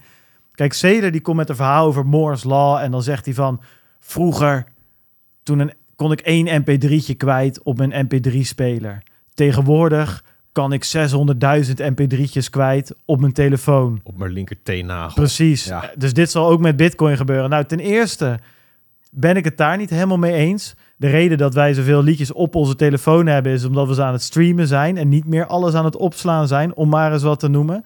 En inmiddels hebben we enorme datacenters die gevuld worden met data, omdat ook onze bijvoorbeeld zo'n cameraatje wat we hier hebben staan, eh, als we daar nu deze podcast mee opnemen, dat is 400 gigabyte. Kijk, mijn harde schijf kan wel tien keer zo groot zijn dan tien jaar terug, maar ook veel bestanden zijn groter. Nee, maar Dus- goed, als je zijn punt is natuurlijk wel terecht. Ik bedoel, ik kan me nog wel herinneren dat ik, ehm, eh, als je een, een, een album downloadde, dat je een andere moest weggooien. Bedoel, Ja, maar eh, serieus, als ik eh, eh, je de nieuwe Call nu- of Duty op mijn computer wil zetten, moet ik de vorige er ook afgooien. Die games zijn tegenwoordig ook 500 gigabyte. Nee, kijk, kijk, zijn analogie is gewoon... We hebben in het verleden hebben we meer technologieën zien opkomen. En Ja. toen dachten we, dat gaat problemen veroorzaken. En kijk eens, 20, 30 jaar later... is dat allemaal niet meer relevant. Is het opgelost, want de technologie is knettersnel doorontwikkeld. Maar dat is mijn punt, het is En- niet en- opgelost. en- het is een groter probleem dan ooit. Voor sommige dingen is het opgelost, voor sommige nog niet. Nou, maar hij komt specifiek met foto's en plaatjes. En de enige reden waarom dat opgelost is, omdat we het niet meer zelf zien. Maar in onze achtertuinen staan enorme, eh, hoe noem je dat, eh, datacenters te draaien om onze steeds groter wordende databehoeften te voorzien. Dus mijn punt is, tuurlijk, nee, maar fijn dat je harde schijven groter worden. Maar hij vergeet even te vermelden dat er aan de andere kant goed. ook iets mee Sure, groeit. Maar sure. anyways, Dus- dus dat is een andere Een discussie. deel wordt daarvan teniet gedaan door andere factoren. Maar ik denk dat we wel allemaal begrijpen wat hij daarmee bedoelt. Hè, dus hoeveel foto's ik op mijn iPhone kan, kan bewaren, weet je wel, ten opzichte van wat ik met mijn Nokia... Ik let er niet eens meer op. Terwijl in het begin moest ik ze eraf halen omdat het weer vol was. Maar het klopt, Ja, hè, dat we daar... een 2 terabyte iCloud eh, abonnementje eraan hebt hangen. Maar goed, Nee. Nee, In mijn geval niet. ja. ja, ik bedoel, ik heb wel zo'n abonnement, maar op mijn iPhone zelf kunnen gewoon heel veel foto's Klopt. staan. Weet je, er past, gewoon, er past gewoon heel veel op dat ding. Maar niet alle foto's die je maakt. Dat is mijn punt. We vullen het nog steeds. Harde schijven raken nog steeds vol. Ja, tuurlijk. Ja, ik bedoel, zo, zo, zolang iets... Zolang iets beperkte capaciteit heeft en je gebruikt maar lang genoeg. Hoewel dat voor mijn laptop trouwens niet geldt. Nee. Nee, maar mijn punt is, Cedar doet net alsof, nog- alsof games... Oké, we hebben nu een harde schijf van 2 terabyte, maar de games zijn nog steeds net zo groot als Pong. Ja, dat is niet zo. Die groeien ook mee. Nee, En dat zeg ik. Dus het wordt door sommige, door, door sommige ontwikkelingen wordt een deel van teniet gedaan. Maar Ja. ik ben het niet met je eens dat het helemaal teniet gedaan nee, wordt. niet helemaal. Nee. Omdat bestanden En, groter en ook worden. niet voor alles. Bijvoorbeeld voor Word-documenten niet. nee, dat is Kan je waar. het oneindig van, eh, hè, min Ja. of meer. Zeker. Eens. Maar goed. ehm, Alleen het, ehm, het punt is dat die redenering voor hoe mining werkt gewoon Nou, niet fundamenteel niet opgaat. Want zo werkt ja. mining niet. En dat is natuurlijk waar Erik, Erik Wol op, op eh, ja, op want hij komt met de mining 101. Hij zegt, there's a block reward. Hè? Dus als je een blok mined, dan krijg je daar bitcoin voor terug als beloning. En hij zegt, people burn electricity to try to earn that reward. If ASICs get better, difficulty goes up. The network still burns electricity until profit margins approach zero. Better ASICs don't decrease electricity use. Nee. Maar misschien is het wel goed om even nog wat verder uit te splitsen. Ik heb er vanmiddag even met Stijn over gehad van... Want toen ik er zelf, eh, la- ik zat op de fiets, ik zat even hierover na te denken. Toen dacht ik, ja, maar waarom nou niet? Welke, welke stappen eh, kunnen we nou onder, hoe kunnen we dat proces nou een beetje uiteentrekken? Wat er gebeurt als er dus een nieuwe miner op de markt komt, die efficiënter is dan, Mhm. dan de vorige. Dus laten we dat even mee beginnen. Dus er komt een mining, miningapparatuur op de markt die efficiënter kan minen. Oké, dus wat betekent dat? Nou, miners die willen zo snel mogelijk deze nieuwe miningmachine. Want waarom wil je dat? Nou, voor dezelfde elektriciteitsprijs die je betaalde, krijg je meer hashes, meer rekenkracht. Dus een hogere opbrengst. Hoe meer rekenkracht jij toevoegt, Ja, zolang je dat concurrentievoordeel hebt. Ja. ja, precies. Want dat is een heel, heel goed punt. Want dit is dus het, het punt wat Sailor eh, even vergeet of niet meldt. Want kijk, wat je zou kunnen doen, je zou kunnen zeggen: Ik heb nu een apparaat wat eh, voor de helft van de elektriciteit evenveel rekenkracht brengt als mijn oude apparaat. Dan kan je dus zeggen: Oké, weet je wat ik doe? Ik verdiende genoeg geld. Ik, doe, ik gebruik gewoon vanaf nu de helft van mijn elektriciteit. Ja. En heb je dezelfde aantal hashes. Dat is eigenlijk wat. Ja, meer over. Precies, en dat is wat Sailor eigenlijk schetst. Van efficiëntere machines, dezelfde hash rate, eh, minder energieverbruik. Wat je ook kan doen, is dat je kan zeggen... ja, maar weet je wat, ik schaf gewoon twee van die dingen aan... en ik gebruik mijn oude energieverbruik hou ik aan en ik verdien nu dubbel zoveel. En waarschijnlijk zullen toch veel miners voor, die tweede, eh, eh, voor dat tweede kiezen in plaats van eh, dat eerste scenario. Nou goed, maar wat jij dus al zegt, Peet, dat voordeel heb je alleen als je sneller bent dan de rest. Weet je, als iedereen overstapt op die nieuwe machines, dan eh, event dat zich weer uit. Dus er is een soort van kleine window of opportunity. Als de rest allemaal op een verouderde apparatuur zit te werken en jij hebt die supersnelle nieuwe miners, dan heb je dus een moment dat je dus eigenlijk een voordeel hebt ten opzichte van de rest. Totdat jullie ook die nieuwe miners kopen. En dan is er eigenlijk weer een balans. En dat is een beetje die red race van Bitcoin mining. Het is nooit genoeg. Er komen nieuwe machines op de markt. En als je niet meegaat, als je je handen niet op die machines weet te leggen, voor, ja, op een gegeven moment, dan word je uit de markt geconcurreerd. Want jouw oude machines, ehm, eh, die brengen niet genoeg op. En waarom brengen die niet genoeg op? Omdat ehm, met al die nieuwe machines extra hash rate komt, eh, eh, komt, komt op het netwerk. Dat betekent dat, bit, dat er in principe bloks sneller gemined zullen worden. Maar dat willen we niet, want we willen dat ze elke 10 minuten gemined worden. Dus er zit een mechanisme in Bitcoin, eh, de difficulty adjustment. Dus die zal zorgen dat het moeilijker wordt om bloks te minen, waardoor ze alsnog elke 10 minuten komen. Dat betekent dat jij met je oude apparatuur op een gegeven moment, als die difficulty omhoog gaat, wordt het voor jouw machine moeilijker om, die, eh, eh, om bloks te minen. Dus je zal minder vaak een blok minen, dus je zal minder geld verdienen. Terwijl je energieprijs hetzelfde is gebleven waarschijnlijk. Dat betekent dat je op een gegeven moment verlies gaat maken en je oude miners uit moet zetten. Dus dat is die red race, die cirkel waar je in komt en altijd in mee zal moeten. En dat is wat Eric zegt, van ja, je kan wel zeggen het wordt efficiënter en ze zullen minder energie gaan verbruiken, maar dat is niet zo. Die energiecontracten liggen vast. Daarnaast willen ze zo gortig veel geld verdienen als kan op het moment dat jij dat voordeel hebt. Dus iedereen denkt aan zichzelf en trekt elkaar daardoor mee constant. Eh, totdat je weer gewoon op dat oude energieverbruik zit. Dat, dat, dat, en ik, ik snap ook niet zo goed waarom Sailor daar niet... Ah, misschien moet het even voor Sailor opnemen. Wat zijn nou ehm, redenen waarom die hier toch mee kan komen? Want hij komt ook in datzelfde filmpje met een verhaal dat hij zegt van ja... ehm, het heeft er ook nog mee te maken dat...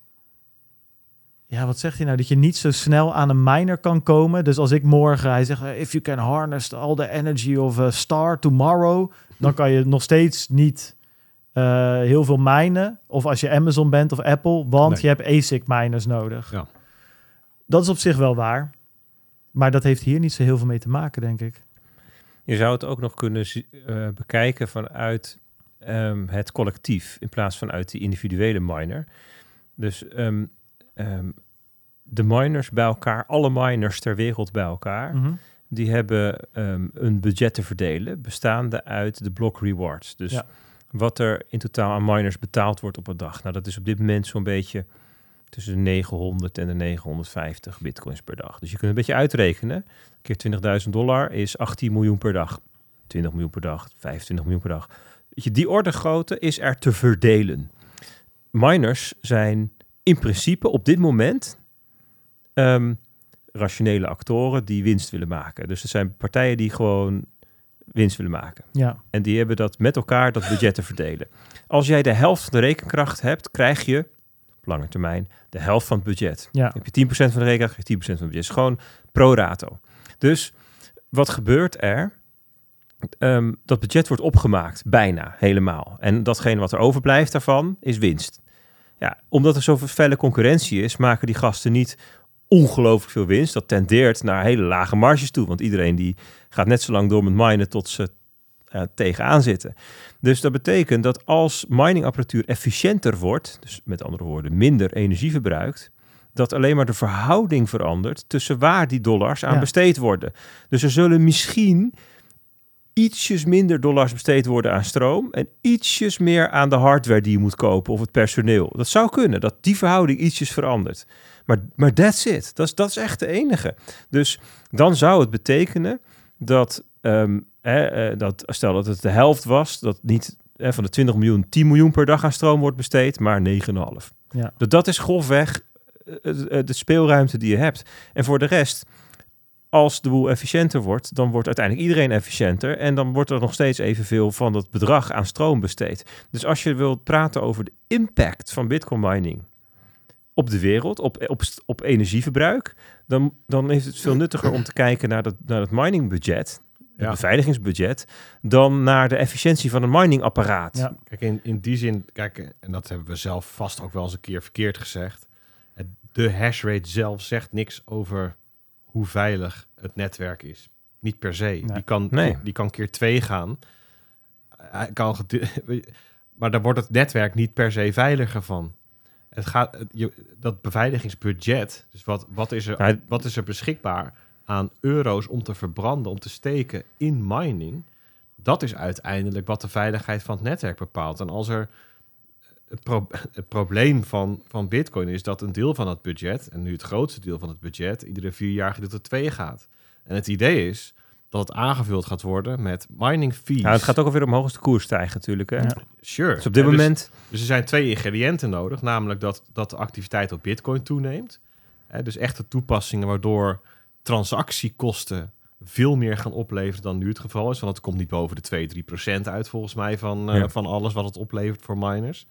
En dat de prijs van Bitcoin stijgt. Als, als dat allebei niet of niet genoeg gebeurt, ja, dan, kan, dan, dan kunnen ASICs zo goed worden dat, dat, de, dat de hashrate nog keer 10 gaat. Maar het netwerk, de veiligheid ervan, neemt gewoon af. Weet je, dus, Ja, en dus die, die relatie tussen hashrate en veiligheid, dat is een, schijn, een schijnverband. Ja, er is Ja, nog wel, ja, er is nog wel ja. een fenomeen dat bij Bitcoin anders is dan bijvoorbeeld bij Proof of Stake. Hè, want daar gaat het alleen maar om de euro's. Alleen, of de dollars. Alleen hier gaat het niet alleen maar om de dollars die je moet hebben, maar ook om de fysieke Ja. ehm, gevolgen van die dollars. Dus die dollars, die moet je dan, eh, die moet je, daarvan moet je apparatuur kopen. Die Ja. apparatuur moet gemaakt worden, die moet verstuurd worden, die moet Ja. ergens geïnstalleerd worden, die moet aangesloten worden op een kabel Zeker. en onderhouden worden. En dus het Daar is niet alleen maar dat je heel Precies, veel geld nodig hebt, maar je hebt ook, eh, er is ook een bepaalde ehm, traagheid hè, eh, om, om, om dat te manifesteren. Dus iemand die kan vandaag besluiten, ik, ik heb 10 miljard en ik wil bitcoin aanvallen, ja, dan kan je niet morgen beginnen met die aanval. En Nee, dus dat, en, het, en, het, en het interessante, dat is dus ook waar dus telkens toch vanuit miners dan... Want je zou kunnen kiezen met z'n allen als miners van weet je wat wij doen? Jongens, dus, eh, vijf of eh, tien grote mining farms of zo in Amerika. Die, je zou met z'n allen kunnen zeggen, weet je wat, we houden het hier gewoon bij. Weet je, we zijn best wel tevreden eh, ermee. We houden gewoon die S19's die we nu hebben draaien, de, Mhm. de nieuwste miners, prima. Dat zou voor hun, dat zou gewoon perfect zijn. Dan hoeven ze niet meer nieuw, nieuw spul te kopen, niet allemaal nieuwe dingen te installeren. Het minen gaat gewoon door. Difficulty blijft lekker hetzelfde. Het is alsnog veel te hoog voor nieuwelingen om in te stappen. Maar doordat er inderdaad allemaal van die lagging factors zijn en zo, is er dan waarschijnlijk toch een van die tien die stiekem zeggen: ja, maar wacht even. Ik heb hier. eh, Maar- toch- ik kan toch bij die nieuwe machientjes. precies. En als ik nu die nieuwe machientjes pak en die andere die blijven zo zitten, dan pak ik een groter stuk van de taart. Dus hoeft maar één partij weer even. En dan heb je nog een, eh, de maker van die miners, voor mij Bitmain nog steeds voor een groot gedeelte. Die heeft er natuurlijk hartstikke veel baat bij. Want die hoeven, het enige wat die hoeven te doen, nieuwe miner maken. Nou, je zou er eerst zelf nog even een halfjaartje mee kunnen minen als je wil. Daarna zet je hem op de markt. En als één iemand hem koopt, dan moet de rest mee. Of ze verliezen marktaandeel vroeg of laat. Maar je- Dus, je, ziet nu wel dat de, de, de, de winst die ze maken in aantal hashes per watt neemt wel af. Hè? Dus de, er is steeds afnemende meer opbrengst. Eh, en dat betekent wel, kijk, eh, als de samenstelling van alle miningapparatuur gelijk blijft, dan zegt een toenemende hashrate wel wat over Precies. de veiligheid. ja. Hè? En naarmate de, de, de, de apparatuur gemiddeld minder snel efficiënter wordt, en dat is nu eenmaal zo omdat alle grote fundamentele stappen al gemaakt zijn, Ja. ehm, gaat hashrate langzaam wel iets meer zeggen. Hè, omdat blijkbaar partijen. Dus dat, dat, is, dat is even één inzichtje wat ik toch wil geven. Een andere is, en daar had Michael Saylor wel een punt. Ehm, toen we nog op CPU's minden, was er wereldwijd ongelooflijk veel apparatuur die meteen aangezet kon worden als aanval. En door te gaan specialiseren, eerst naar FCPGA's en later naar ehm ASICs, Ja.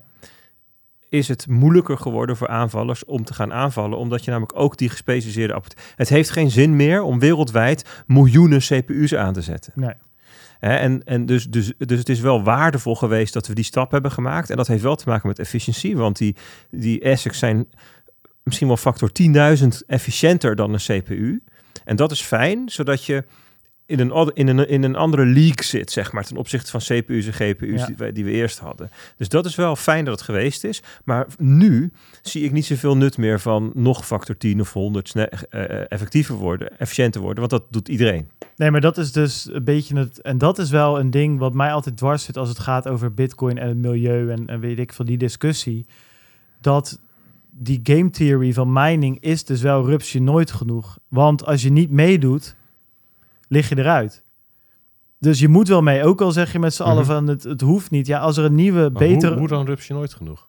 Nou, op het moment namelijk dat er een nieuwe miner wordt aangekondigd eh, die efficiënter is dan de vorige, zou je hem vroeg of laat gewoon moeten kopen. En het liefst, liefst Ja, vroeg, dan verdien je er nog wat aan. Rups je nooit genoeg in de zin van dat je in je hardware moet blijven investeren. Ja, met als vraag van wat voor... Niet dat je met nadenkt van moeten we dit doen omdat het veiligheid oplevert. Nee, daar hoef je niet eens over na te denken. Je moet het gewoon doen, omdat je anders over tien maanden eh, Ja, nee, het is- het uit, is- eruit geconcureerd Als bent. hardwarefabrikant is het een ideale markt. Precies. Mhm. Alles wat je maakt. Ja, dat Nee, maar als miner hoef je dus, je hoeft niet eens met z'n allen na te denken, hmm, is dit... ehm, Kijk, het is een beetje eh, om die datacenters bijvoorbeeld er even bij te pakken. Zeg maar, als er geen vraag is om foto's en Netflix films en whatever op te slaan, dan zullen die datacenters niet groter worden. Dat is een soort van vraag en aanbod. En hier is het gewoon zo, als het er is, nieuwe miners, er hoeft helemaal geen vraag te zijn naar meer. Hè? Je moet gewoon mee. Omdat, je anders, omdat er anders gewoon één speler overblijft die wel overgegaan is naar die nieuwe apparatuur. Zeg maar, dus het is een, het is een, een, andere. ehm, Ja, afhankelijk van verschillende factoren. Kijk, als de prijs van bitcoin hoog genoeg is, dan kan het nog steeds winstgevend zijn om met oude apparatuur te minen. mm, sure. En, dat, en afhankelijk van je, van je stroomprijs ook. Weet je, het is, het is niet... nee, maar even ervan uitgaande dat jij nu gewoon een grote mining farm hebt in Texas, dan moet je gewoon mee. Anders wordt jouw marktaandeel kleiner. Klopt. En, en die dynamiek zie ik niet stoppen. Ja, totdat, je, totdat we ergens fysiek eh, niet meer sneller of kleiner kunnen qua chips, misschien voor die ASICs. Ja, en dat, ja, waar, ja, waar, ligt, eh, waar ligt de balans? Ja, dat ze zo godschuwelijk duur worden dat je ze niet kan betalen van, je, van dat budget ja, inderdaad. Iets Maar- soortgelijks hebben we ook wel een beetje gewoon met, überhaupt met, met computers. Weet je, we kopen allemaal onder is jaar wel- een nieuwe laptop. Dat is wel op een gegeven moment minder. Ik bedoel, de, mijn vorige MacBook heb ik vijf jaar gehad, echt prima. Ja, Die- ja, ik- die, de- die levensduur van die ASICs neemt ook toe. Mijn kinderen die gamen nog steeds op een PlayStation 4. Hoe lang is dat ding er al? Echt tien jaar of zo? Ja, maar, maar- het ligt meer aan de snelheid van mijn PlayStation nieuwe ding.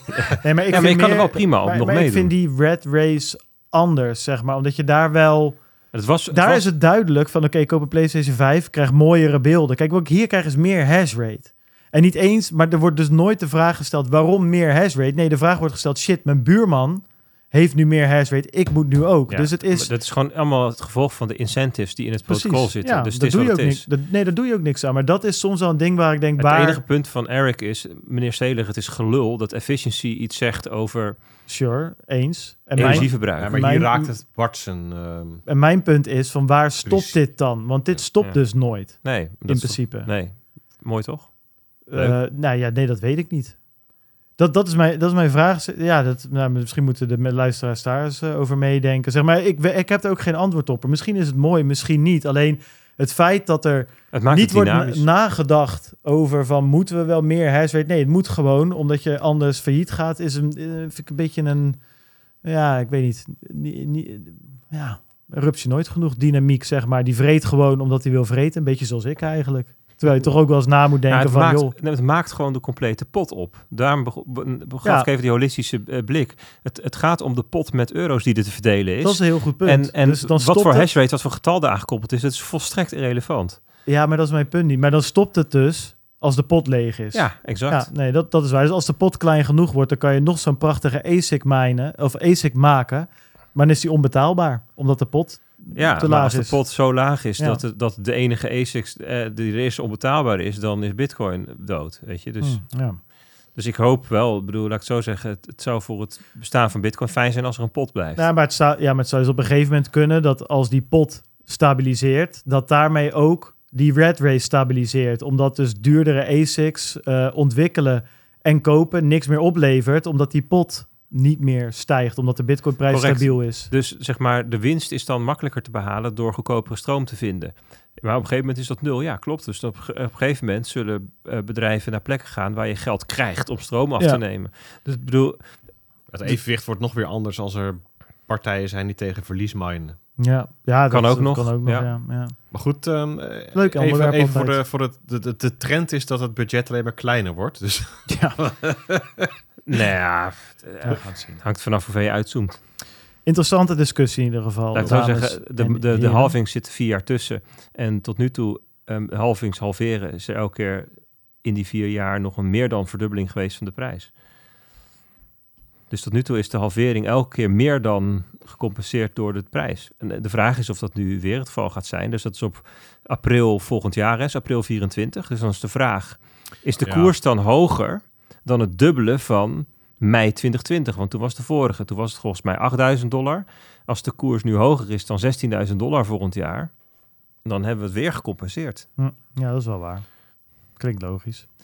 hey, eh Stijn die moet zo naar huis, jongens. Anders redt hij het niet. Hij moet naar Brabant. Dat is een uur met de trein. Daar brandt nog licht. Daar brandt nog licht. Dat wel. Kedegedeng. Kedegedeng met het treintje. hey, eh, leuke discussies zo. Een leuk, leuke uitzending. Toch eh, weer eh twee, tweeënhalf uur. Ouderwets. Ouderwets lang. Dank daarvoor. Jullie allemaal dank in de chat. Eh, ik zie hier Alexander zegt allemaal al een duimpje omhoog gegeven. Nou, dat is top als dat nog even zou kunnen, inderdaad. En iedereen die het gedaan heeft, dankjewel daarvoor. Ook iedereen die lekker gewoon in de auto, op de fiets, tijdens het hardlopen, tijdens het sporten, tijdens de was opvouwen, lekker aan het luisteren is. Dank daarvoor. Dat vinden we ook fantastisch natuurlijk. Vind je de podcast leuk? Je kan onze Telegramgroep joinen, ons volgen op Twitter. Alle links staan op www.stosjeradio.nl. Stijn, thanks. Eh Bert Peet, thanks. En jullie allemaal bedankt voor het luisteren. En tot volgende week. Later.